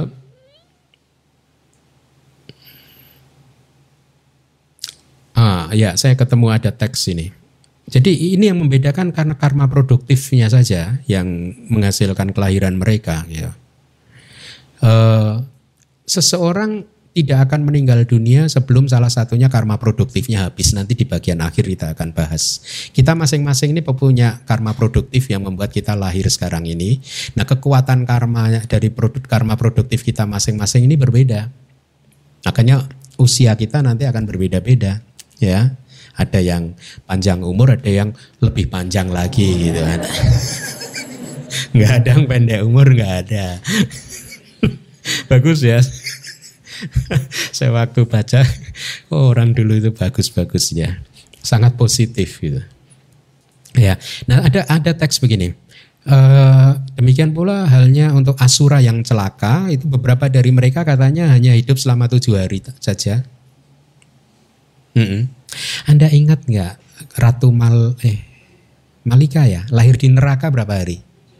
Tujuh hari saja. Habis itu keluar gitu. Ya kan? Itu yang dimaksud batas usianya tidak fix, bervariasi. Ya tidak fix. Bisa panjang sekali. Sama dengan manusia tadi sudah saya sebutkan. Oh ya, ini syairnya di sini. Siapa pun yang hidup lama, dia hidup kurang lebih untuk 100 tahun. 100 tahun yang kedua tidak dicapai, itu kalimat di zaman Buddha. Hanya untuk mengatakan bahwa usia manusia di zaman Buddha dianggap rata-rata 100 tahun. Hal ini dikatakan dengan merujuk keadaan saat ini. Ya saat ini, saat itu gitu. Kalau kita ikut Wibawini Tika, ya berarti ini ditulis pada abad Wibawini itu abad 12 ya, 11-12. Tapi di zaman Buddha pun juga sudah ada kalimat seperti ini. Diyakini 100 tahun. Ya. Baik, silahkan dibaca lagi. Batas usia untuk para dewa empat maharaja adalah 500 tahun surgawi. Untuk perhitungan tahun manusia menjadi sebanyak 9 juta tahun. Ya. Jadi kalau Catu Maharajika lihat usianya fix. Artinya fix itu begini, Bukan berarti semua dewa yang lahir di sana akan mencapai usia maksimal, tapi usia mereka tidak akan bisa melebihi ini. Itu yang dianggap sudah udah ditentukan batasnya seperti itu. Kenapa begitu? Kekuatan karmanya lagi ya hanya segitu itu kira-kira seperti. Ya. Seharusnya saya ada tabelnya kan nanti ya kita baca dulu ya. Oke, silakan. Kemudian, untuk para dewa di alam 33 dewa, empat kali lipat dari itu. Untuk para dewa Yama, empat kali lipat dari itu. Untuk para dewa di alam yang sangat menyenangkan, empat kali lipat dari itu. Untuk para dewa di alam para dewa yang bersenang-senang dengan ciptaannya, empat kali lipat dari itu. Untuk para dewa yang mengendalikan ciptaan-ciptaan dewa lain, empat kali lipat dari itu. Ya, semua naik empat kali lipat. Bagi Anda yang kesulitan, ini saya udah cantumkan tabelnya. Sebenarnya tabel ini saya ambil dari buku Karma pusaran kelahiran dan kematian yang tanpa awal yang akan terbit mungkin satu minggu dua minggu lagi. Saya, saya sudah cukup lengkap menulis di buku tersebut. Mari kita baca tabel ini. Anda lihat alam empat maharaja ya itu dari angka yang paling kanan 9 juta itu batas usianya adalah 9 juta tahun manusia ya. Kalau dihitung tidak tahun manusia tapi tahun surgawi, mereka itu batas usianya hanya 500 tahun surgawi, ya. Nah, kalau kita konversi lagi, Anda dapat satu hari surgawi itu sama dengan 50 tahun manusia. Artinya, satu hari di alam Dewa Catu Maharajika, alam Dewa Empat Maharaja, ya, itu satu hari di sana sama dengan 50 hari di sini. Eh, Lim, sorry 50 tahun. Ya, ya, ya, ya. Satu hari di sana sama dengan 50 tahun manusia. Kita kita kita skip dulu ke angka yang paling bawah, 1600 tahun. Yang bawah itu kan. Satu hari di alam surga yang paling atas, lingkup indriawi, para nimita wasawati, itu sama dengan 1600 tahun manusia. Satu hari di sana. Makin tinggi lagi, makin panjang lagi. Itulah mengapa ada dewa yang salah memikirkan kehidupannya sendiri. Dianggapnya dia hidupnya kekal. Kenapa? Karena dia kalau Anda hitung yang 1600 tahun aja, berarti satu detik di sana berapa tahun manusia? Itu cukup lama. Ya, jadi kira-kira nanti akan sampai ketemu satu detik di sana itu sama dengan 100 tahun manusia. Makanya ada Brahma atau apa yang salah kan? Loh, setiap satu detik mati manusia ini. Mati. ah, dia keliru mempersepsikan pengalaman kehidupannya. Dianggapnya dialah yang kekal abadi, dia pencipta segalanya dan seterusnya. Itu Brahma itu. Brahma yang salah mempersepsikan dirinya sendiri gitu. Ya karena begini, Anda lihat kan sekarang kan perbandingannya seperti itu gitu. Nah, mari kita lihat angka yang atas lagi. Empat maharaja usianya fix 9 juta manusia, tahun manusia. Ya. Alam dewa yang di atasnya lagi dikalikan 4, berarti 36 juta. Alam dewa yang di atasnya lagi dikalikan 4 lagi berarti 144 juta tahun manusia. Demikian seterusnya sampai ke yang paling tinggi eh, para nimita wasawati atau dewa yang menikmati ciptaan dewa lain itu usianya batasnya fix yaitu 9 miliar 216 juta tahun manusia. Dikalikan 4 terus dari yang satu Maharajika ke atas ke atas dikalikan 4 4 4 terus ya. Nah, sekarang kita geser ke tahun surgawi. Empat Maharaja itu batas waktu usianya fix tahun surgawi 500 tahun surgawi. Alam surga yang di atasnya 1000 tahun surgawi. Alam yang seterusnya 2000 4000 hanya dikalikan dua Kenapa yang tadi dikalikan 4 sekarang dikalikan 2? Ini yang bisa jawab orang yang pintar matematika. Hah? Yang pintar matematika ini. Kenapa? Ada yang bisa jawab nggak? Kenapa tadi kalau tahun manusia kali 4 kok sekarang kali 2? Berarti parameternya berbeda. Standarnya berbeda, ya. Berbedanya gimana? Kalau kita menggunakan tahun manusia itu angka 9 juta, 36 juta dan seterusnya itu standarnya sama tetap konstan yaitu standar tahun manusia. Ya. Kalau kita menggunakan tahun surgawi standarnya berubah terus.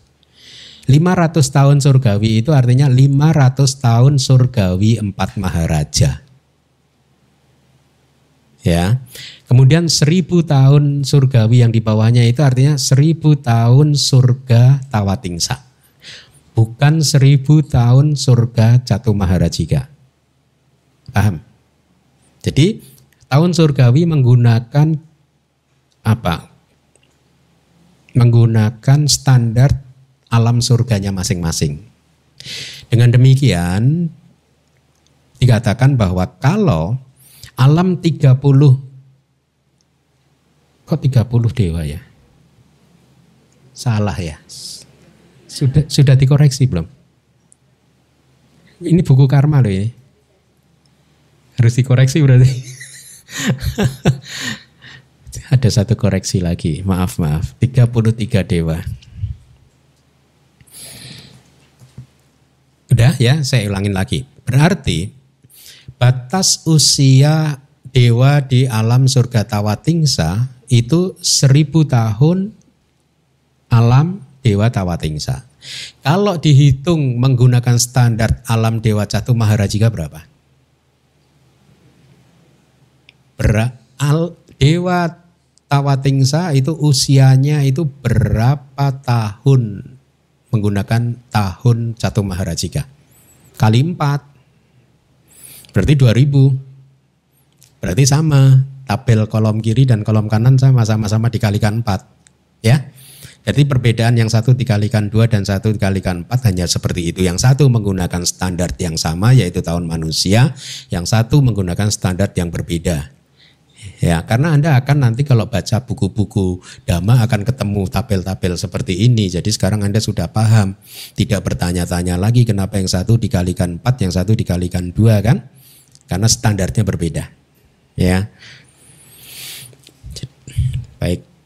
Kemudian 500 tahun surgawi, satu hari sama dengan 50 tahun manusia, ya, memastikan bulan dan tahun sesuai dengan perhitungan tersebut, batas usia adalah 500 tahun dengan hukum.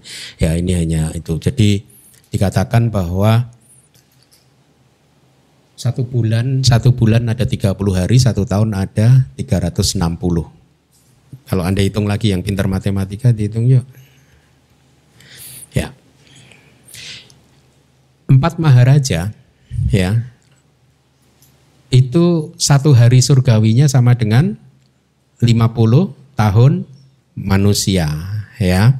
Berarti kalau sekarang eh, satu harinya ada 50 tahun, dalam satu tahun ada berapa? Hmm?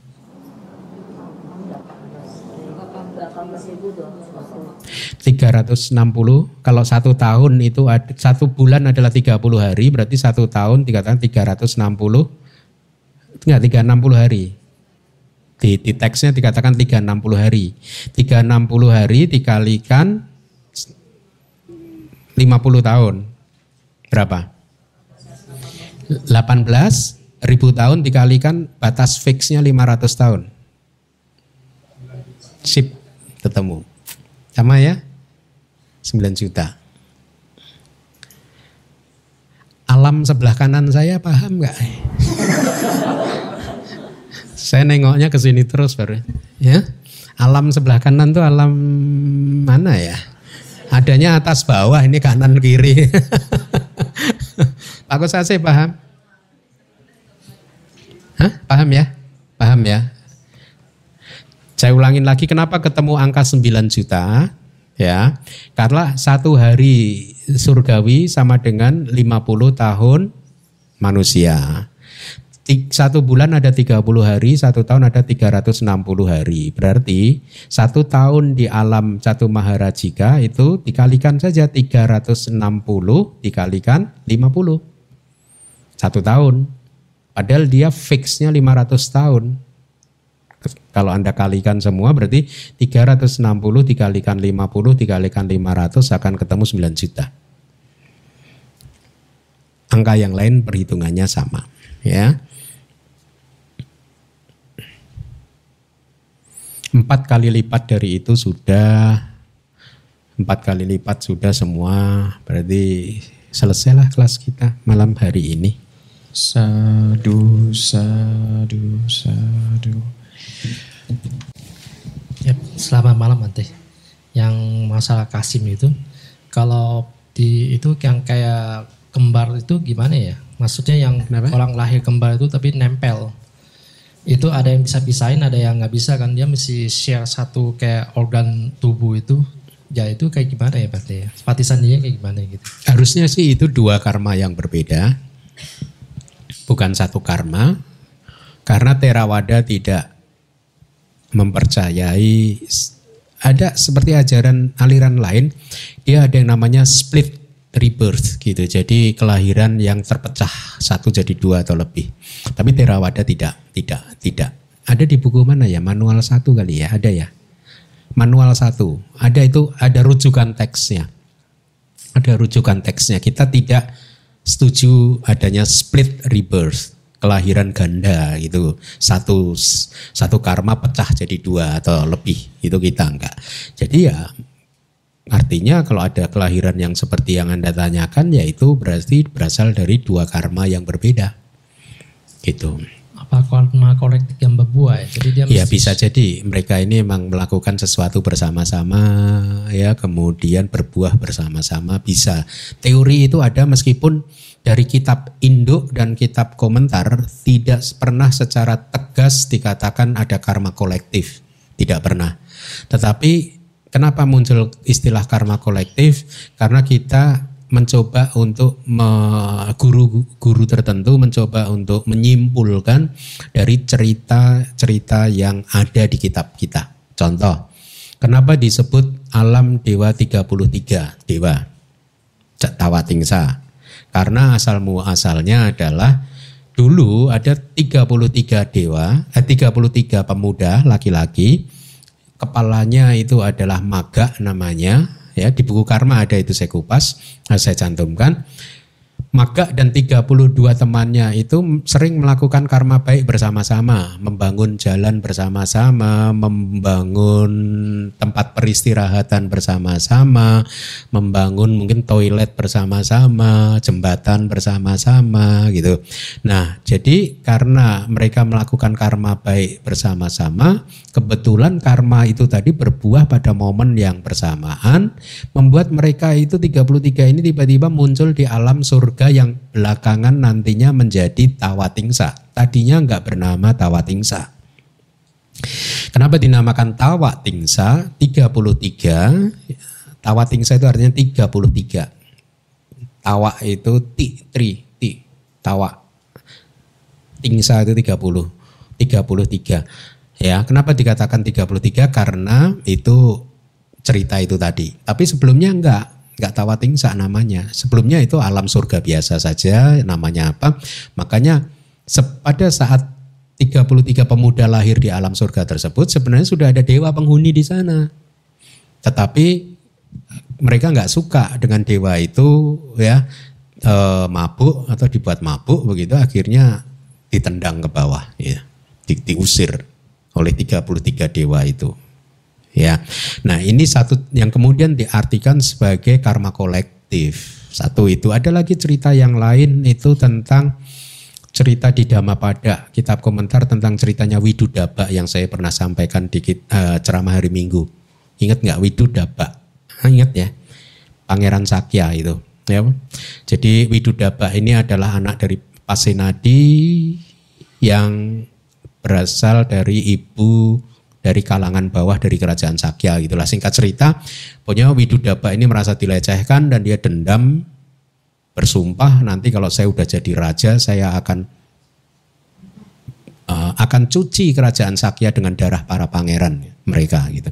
Jadi singkat cerita Widudaba jadi raja kemudian diserbu benar-benar kerajaan Sakya. Semua pangeran yang ini dibunuh sama Widudaba darahnya dipakai untuk mencuci kerajaan kira-kira seperti itu dan Buddha kemudian menyampaikan satu cerita bahwa panger memang karmanya harus berbuah, karma buruknya harus berbuah. Dulu para pangeran itu adalah teman sepermainan laki-laki yang hidup di satu desa yang sama. Hobinya adalah membunuh ikan di sungai bersama-sama. Jadi ikan di sungai kalau zaman sekarang mungkin kayak di apa sih apotas, potasium, karbit apa ya untuk membunuh ikan itu gunanya apa? Pokoknya kira-kira begitu. Jadi sungainya dilakukan sedemikian rupa sehingga semua ikan yang di sungai tersebut mati. Hmm, ada ya. Dulu saya tahu loh, orang desa itu kalau mau nangkepin ikan begitu pakai obat tertentu. Jadi ikannya lama-lama mengambang sendiri. Udah nggak dijaring nggak dipancing gitu pakai apa gitu ya. Apotas apotas atau apa ya lupa saya. Nah jadi pemuda-pemuda tadi membunuh ikan bersama-sama. Singkat cerita akhirnya karena karma baik yang lain mereka lakukan tiba-tiba mempertemukan mereka lagi sebagai pangeran dari kerajaan Sakya yang kemudian harus juga mati pada saat yang sama karena dia memetik buah karma waktu membunuh ikan. Tuh lihat tuh, membunuh ikan tuh. Kenapa? Hanya membunuh ikan tuh. Efeknya kayak gitu. Makanya jauhilah pembunuhan gitu. Ya, itu. Jadi eh, karma kolektif itu mungkin ada meskipun di kitab kita tidak pernah menyebutkan secara tegas istilah karma kolektif. Ya. Hmm. Ada banyak kok beberapa contoh yang merujuk pada cerita-cerita yang mirip ceritanya seperti itu. Baik, yang lain ada lagi? Ada lagi? Malam Bante, hmm. uh, saya mau nanya yang berhubungan dengan minggu lalu. Bante kan pernah cerita bahwa mereka yang mengakhiri hidupnya. Uh, waktu itu Bante bilang kalau di karma yang di Jawana satu itu bersifat ahosi di kehidupan uh, di kehidupan mendatangnya kan gak ada lagi.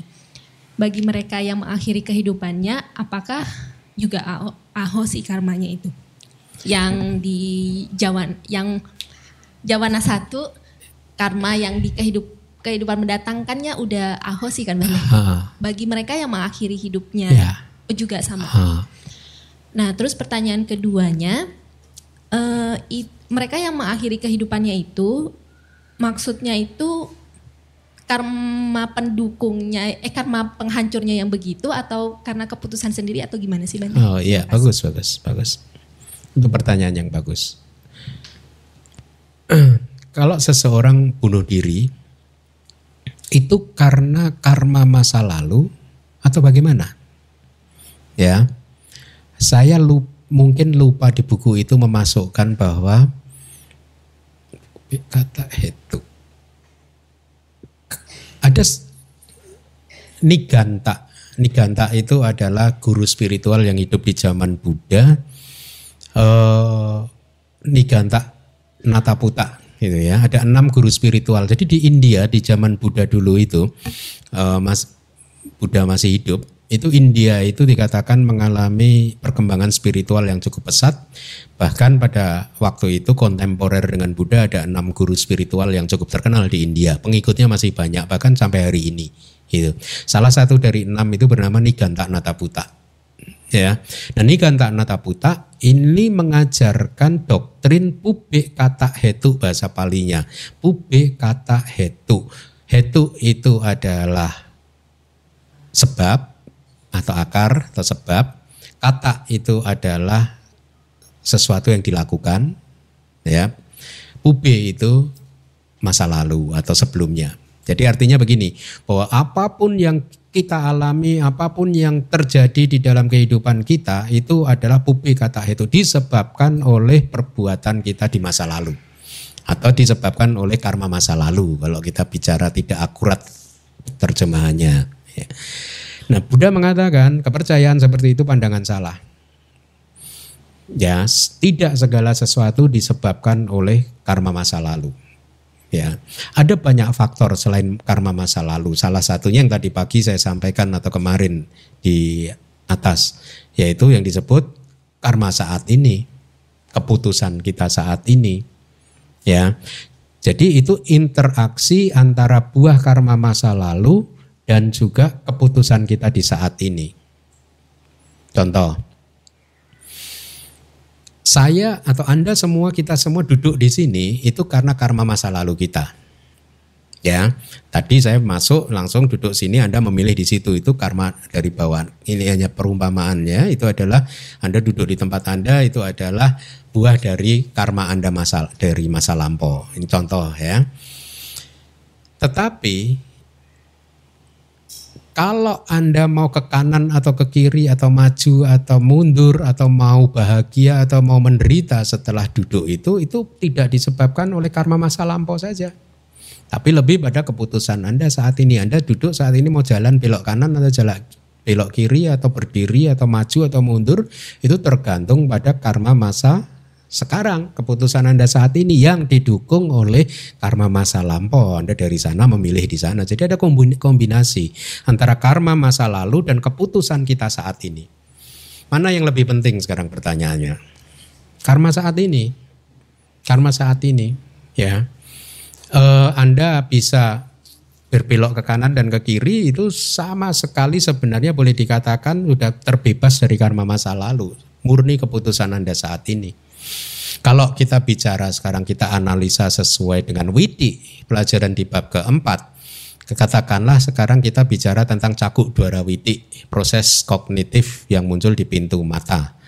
Dari proses kognitif yang muncul di pintu mata, anda bayangkan mulai dari atita, bawangga, bawangga calana, bawangga upaceda, panca dwara wajana, caku, winyana, sampati, jana, santi, rana, Wota Pana, Jawana, Jawana, Jawana, terus misalkan ada Tadara Mana, kemudian Bawangga, selesai kan?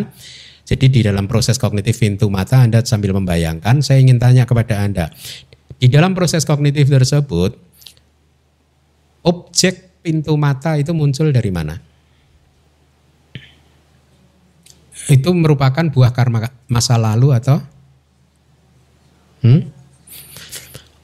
Objek proses kognitif pintu mata muncul dari buah karma masa lalu sehingga sebenarnya kalau mau bicara lebih presisi ya ini saya akan sampaikan lagi. Kadang saya ini agak agak repot karena saya harus merubah-rubah gaya ceramah.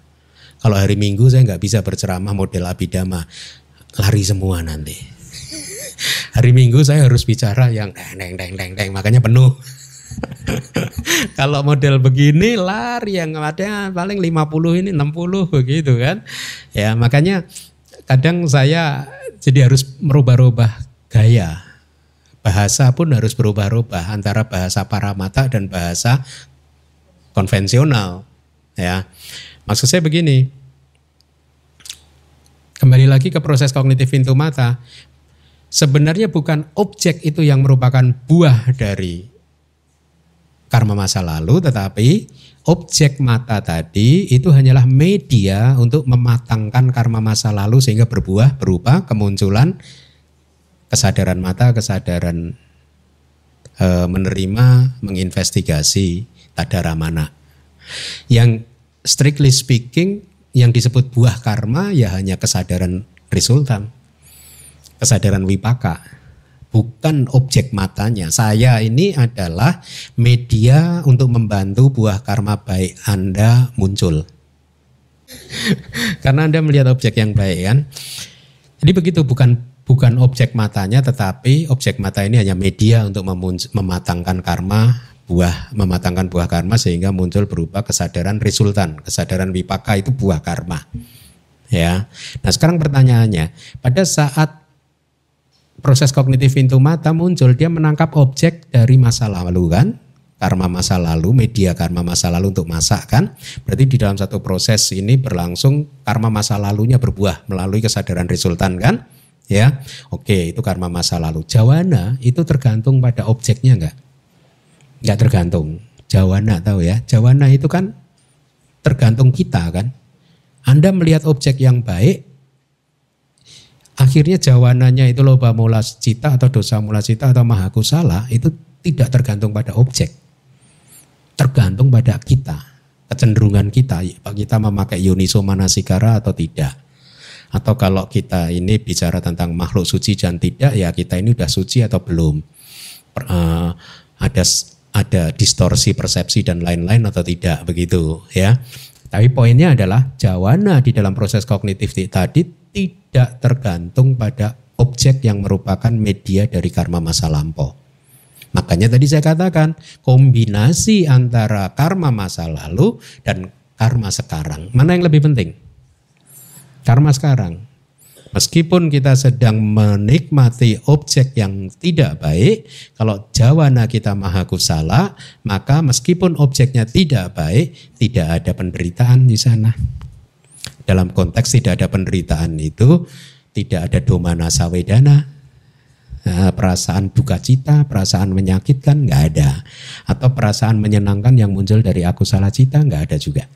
Yang ada hanya maha kusala. Jadi positif respon kita positif terhadap objek yang tidak baik ya.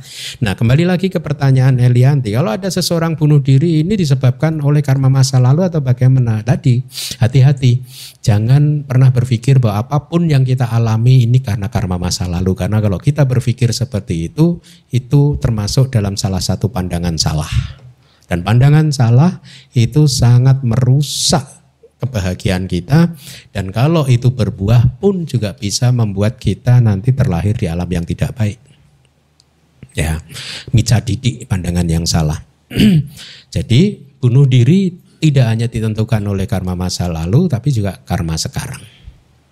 Keputusan dia pada saat itu, dia memilih untuk mengakhiri kehidupan kan kenapa? Karena dia punya pandangan salah Pandangan salah yang seperti apa? Ya dianggapnya satu setelah bunuh diri masalah selesai. Dua, kenapa dia bunuh diri? Karena dia berpikir bahwa masalahnya adalah masalah yang kekal. Itu ada pandangan salah. Hmm? Kenapa ada orang bunuh diri? Karena menurut dia problem yang dia hadapi adalah problem yang kekal abadi tidak bisa selesai.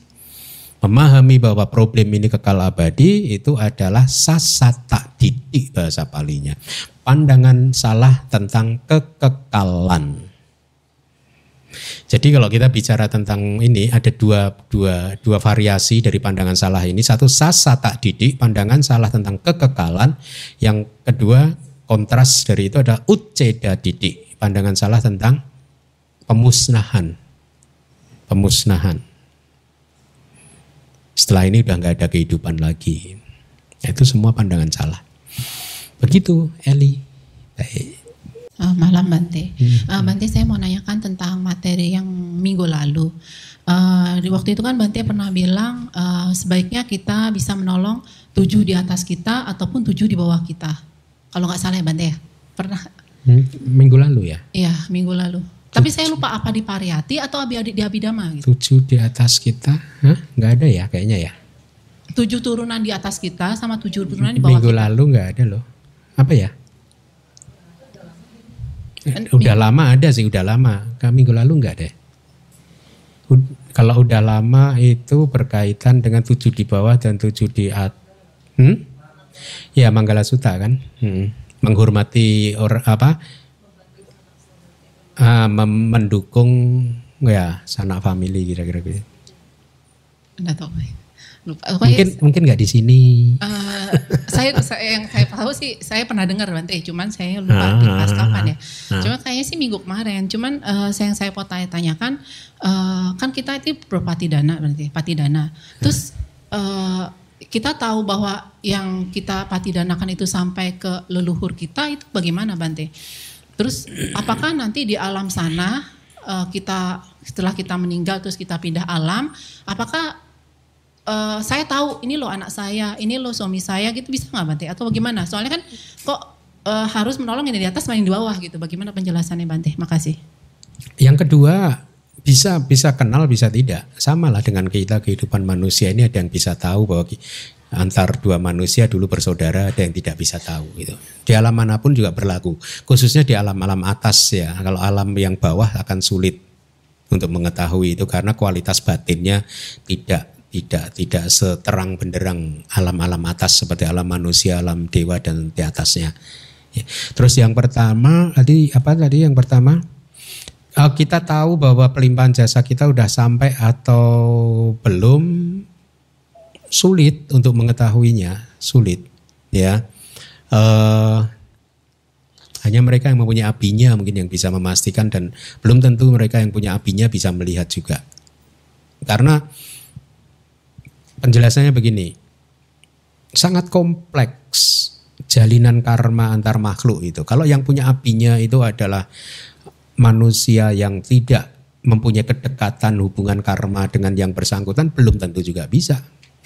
Kecuali Buddha loh, kita tidak bicara Buddha ya. Kalau yang makhluk-makhluk biasa itu apinya pun kesaktiannya terbatas, mata dewanya terbatas. Ya. Nah, tetapi poinnya adalah Buddha itu pernah mengatakan begini, ya. Dan nancaani palang. Tidak ada Nah, danan dananca dananca. Tidak ada dana yang tidak berbuah. Ya, artinya pelimpahan jasa itu selalu mem- memberikan hasil, memberikan buah. Kenapa? Penjelasannya begini. Karena awal kehidupan kita sudah tidak bisa ditemukan lagi, sehingga boleh dikatakan semua makhluk yang ada di alam semesta ini dulunya pernah jadi saudara. Kita semua ini pernah bersaudara. Entah di kehidupan yang kapan pun. Dengan logika ini maka mereka yang saat ini sedang hidup di alam hantu kelaparan di wilayah tertentu yang disebut para datu paciwika peta yaitu hantu kelaparan yang hidupnya itu hanya eh, kehidupannya itu tergantung pada pemberian dari orang lain itu saudara kita ada di sana selalu tidak pernah kosong dari saudara-saudara kita sehingga pelimpahan jasa yang kita lakukan itu pasti akan diterima oleh saudara kita entah yang kapan oleh karena itu sesungguhnya di dalam teks kita Tripitaka kitab Indo Buddha tidak pernah mengajarkan kalau pelimpahan jasa itu menyebut nama almarhum. Nama almarhum disebutkan hanya ada di kitab komentar. Tapi kalau kita ikut na- nasihat Buddha enggak. Enggak ada disebutkan semoga jasa kebajikan ini melimpah kepada almarhum A, B, C enggak. Ya, hanya disebutkan idang wo tinang ho tu sukita untuk nyatayo misalkan. Semoga ini untuk bisa untuk family saya, semoga family saya berbahagia. Kira-kira seperti itu. Gitu. Nah, saya tidak tahu kalau kita melakukan pelimpahan jasa kita tujukan kepada penerimanya kita sebutkan nama. Apabila yang bersangkutan tidak di alam peta maka pelimpahan jasa kita ini bisa diterima oleh peta yang lain atau tidak. Bisa jadi malah tidak diterima gitu. Karena kita membatasinya kan. Kita membatasi dengan menyebutkan nama kan. Jadi sebenarnya ya kalau mau ini pelimpahan jasa tidak perlu menyebut dengan almarhum ini almarhum itu. Tapi kadang saya juga bisa memaklumi karena orang-orang tertentu eh, sedih ya kepedihannya mendalam sehingga kalau dia sudah melakukan pelimpahan jasa dengan menyebut nama almarhum dia hilang ke ya saya bisa menerima itu. Kalau memang itu tujuannya ya ya sudah nggak apa-apa ya. Daripada nanti malah kepedihannya nggak hilang kalau saya paksa jangan disebut nama. Idang wonya tinang hotu aja. Malah nanti pulang masih stres. Nah, kasihan kan? Ya saya akhirnya ikuti saja gitu oke ya oke Edward terakhir ya Eh, Bante, saya mau, eh, mau nanya tadi mengenai Ahetuka Pugala. Tadi kan disebutkan bahwa Ahetuka Pugala eh, itu bisa terlahir sebagai orang yang berkelamin ganda ataupun yang netral gender, Bante. Karena terus tadi Bante juga bilang eh, coba eh, dicari soal netral gender ya. Kalau di luar itu kan lagi ngetrend soal LBGT plus Q ya membahas soal, soal sexual orientation, membahas soal kelainan gender gitu. Kalau di luar memang ada kata na- nama seorang manusia gitu terlahir jadi laki atau perempuan, tapi dia tidak merasa ketertarikan terhadap perempuan ataupun laki-laki. Nah kalau udah seperti ini Bante terlahir sebagai Ahyutuka Pugala, apakah ada e, cara gitu menimbulkan karma baik supaya kesadaran tadi e, yang Ahyutuka Pugala e, gendernya netral menjadi gender yang seharusnya. Misalnya jika dia perempuan dia tetap tertarik sama laki-laki ataupun jika dia eh, laki-laki tertarik sama perempuan. Itu pertanyaan saya. Apakah ada cara eh, karma baik apa itu bisa nggak sih untuk menormalkannya kembali? Terus yang kedua Bante yang soal eh, hermaprodit gitu. Jika seorang terlahir jadi hermaprodit, apakah selama kehidupannya gitu, walaupun dengan dioperasi atau seperti apa, dia akan tetap mempunyai dua kelamin atau parahnya setelah dia dilakukan operasi kelaminnya tidak berfungsi sama sekali. Ap- apakah ada cara untuk memperbaiki itu, Bante? Thank you. Iya, kalau dia ahituka pugala sih seumur hidup tidak bisa dirubah. Kualitasnya tetap ahituka. Itu jadi karena istilahnya ini substrat nah, bahasa ternyata bahasa Indonesia. Bahan bakunya sudah seperti itu. Dari awalnya bahan bakunya seperti itu. Jadi mau dirubah seperti apa ya tidak akan pernah bisa. Karena dia ahituka. Kecuali seseorang mengalami kelainan-kelainan seperti itu, itu muncul di tengah perjalanan kehidupan dia. Karena ada mungkin karma masa lalu yang berbuah satu atau karena ada pergaulan ya, jadi akhirnya bisa menjadi orientasinya berbelok. Kalau kejadiannya seperti itu kan berarti belum tentu dia ahituka pugala. Bisa jadi dia dwihetuka atau tihetuka. Nah kalau begitu, kalau dia bukan ahituka pugala berarti kemungkinan untuk sembuh bisa. Tapi kalau ahituka pugala udah nggak ada cara untuk sembuh loh ya. Tapi bukan berarti kehidupannya jadi kemudian tidak bermakna. Tetap bisa kehidupannya itu bermakna. Yang lebih penting kan kehidupan tetap bermakna. Artinya kehidupan bermakna itu dia bisa memanfaatkan satu kehidupan ini untuk berkembang secara spiritual. Berkembang kemurahan hatinya, cinta kasihnya, kesabarannya dan lain sebagainya. Itu yang dia tetap bisa melakukannya ya. Saya sudah membahas belum sih masalah ahituka pugala dan dwihituka pugala itu tidak bisa mencapai jana dan pencerahan di kehidupan saat ini bab tiga ya. Oh, tiga atau empat sorry empat sorry ya. Sekarang kita bab lima bab empat. Jadi dia seumur hidup juga nggak bisa mencapai jana, mencapai maga, pala gitu nggak bisa jalan dan buah. Tapi bukan berarti terus kehidupannya tidak tidak bermakna, tetap aja bermakna. Kenapa? Karena kebahagiaan dia akhirnya meskipun tidak bisa mencapai jana dan uh, maga pala, bukan berarti dia tidak bisa bahagia, dia masih bisa bahagia, masih bisa mengembangkan kebijaksanaan dan lain-lain. Sehingga nanti kalaupun dia meninggalkan kehidupannya sebagai manusia ahituka pugala, dia lahir lagi sebagai manusia bisa terlahir sebagai manusia tihituka, tiga akar. Dia tetap.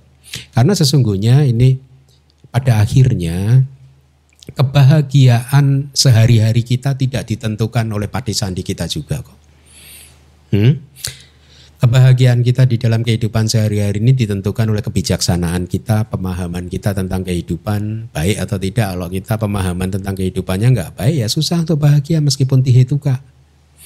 Tapi kalau ahituka pugala, kalau dia mempunyai pemahaman yang baik tentang kehidupan, dia tetap bisa bahagia. Mungkin lebih bahagia dari tihituka pugala. Dalam konteks kebahagiaan kehidupan sehari-hari ya. Itu. Jadi tidak bisa kalau dia ahituka. Yang kedua sudah terjawab tadi ya. Sudah semua ya. Baik, terima kasih. Cukup saya rasa ini agak lambat kita. Tapi masih jam 9 kok.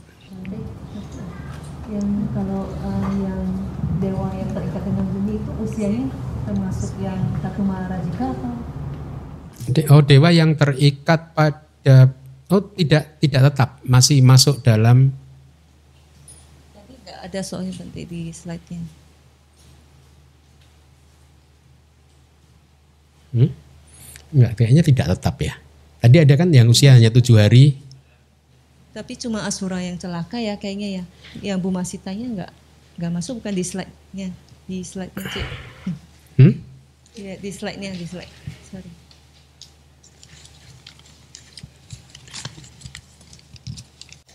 Oh Asura ya. Cuman Asura tapi Asura yang, celaka ya. Yang Bumasitanya berarti berarti ikut, ikut Catu. Maharajika ya. Hmm, pertanyaan bagus sih. Saya harus harus research, tapi kayaknya nggak ada penjelasan detail. Hmm, coba saya cari dari sumber lain nanti kalau pas ini. Harusnya sih begitu. Karena ini saya hanya menemukan tadi bahwa Asura yang celaka, yang terikat pada bumi itu usianya tidak fix. Bisa tujuh hari, bisa juga sepanjang ion malah. Itu dari kitab. Tapi tidak disebutkan Bumasita Dewa, nggak ada. Nggak ada. Itu. Jadi untuk sementara mungkin hanya untuk Winipatika Asura ya. Oke, oke, bagus bagus. Sadu sadu. Baik, terima kasih.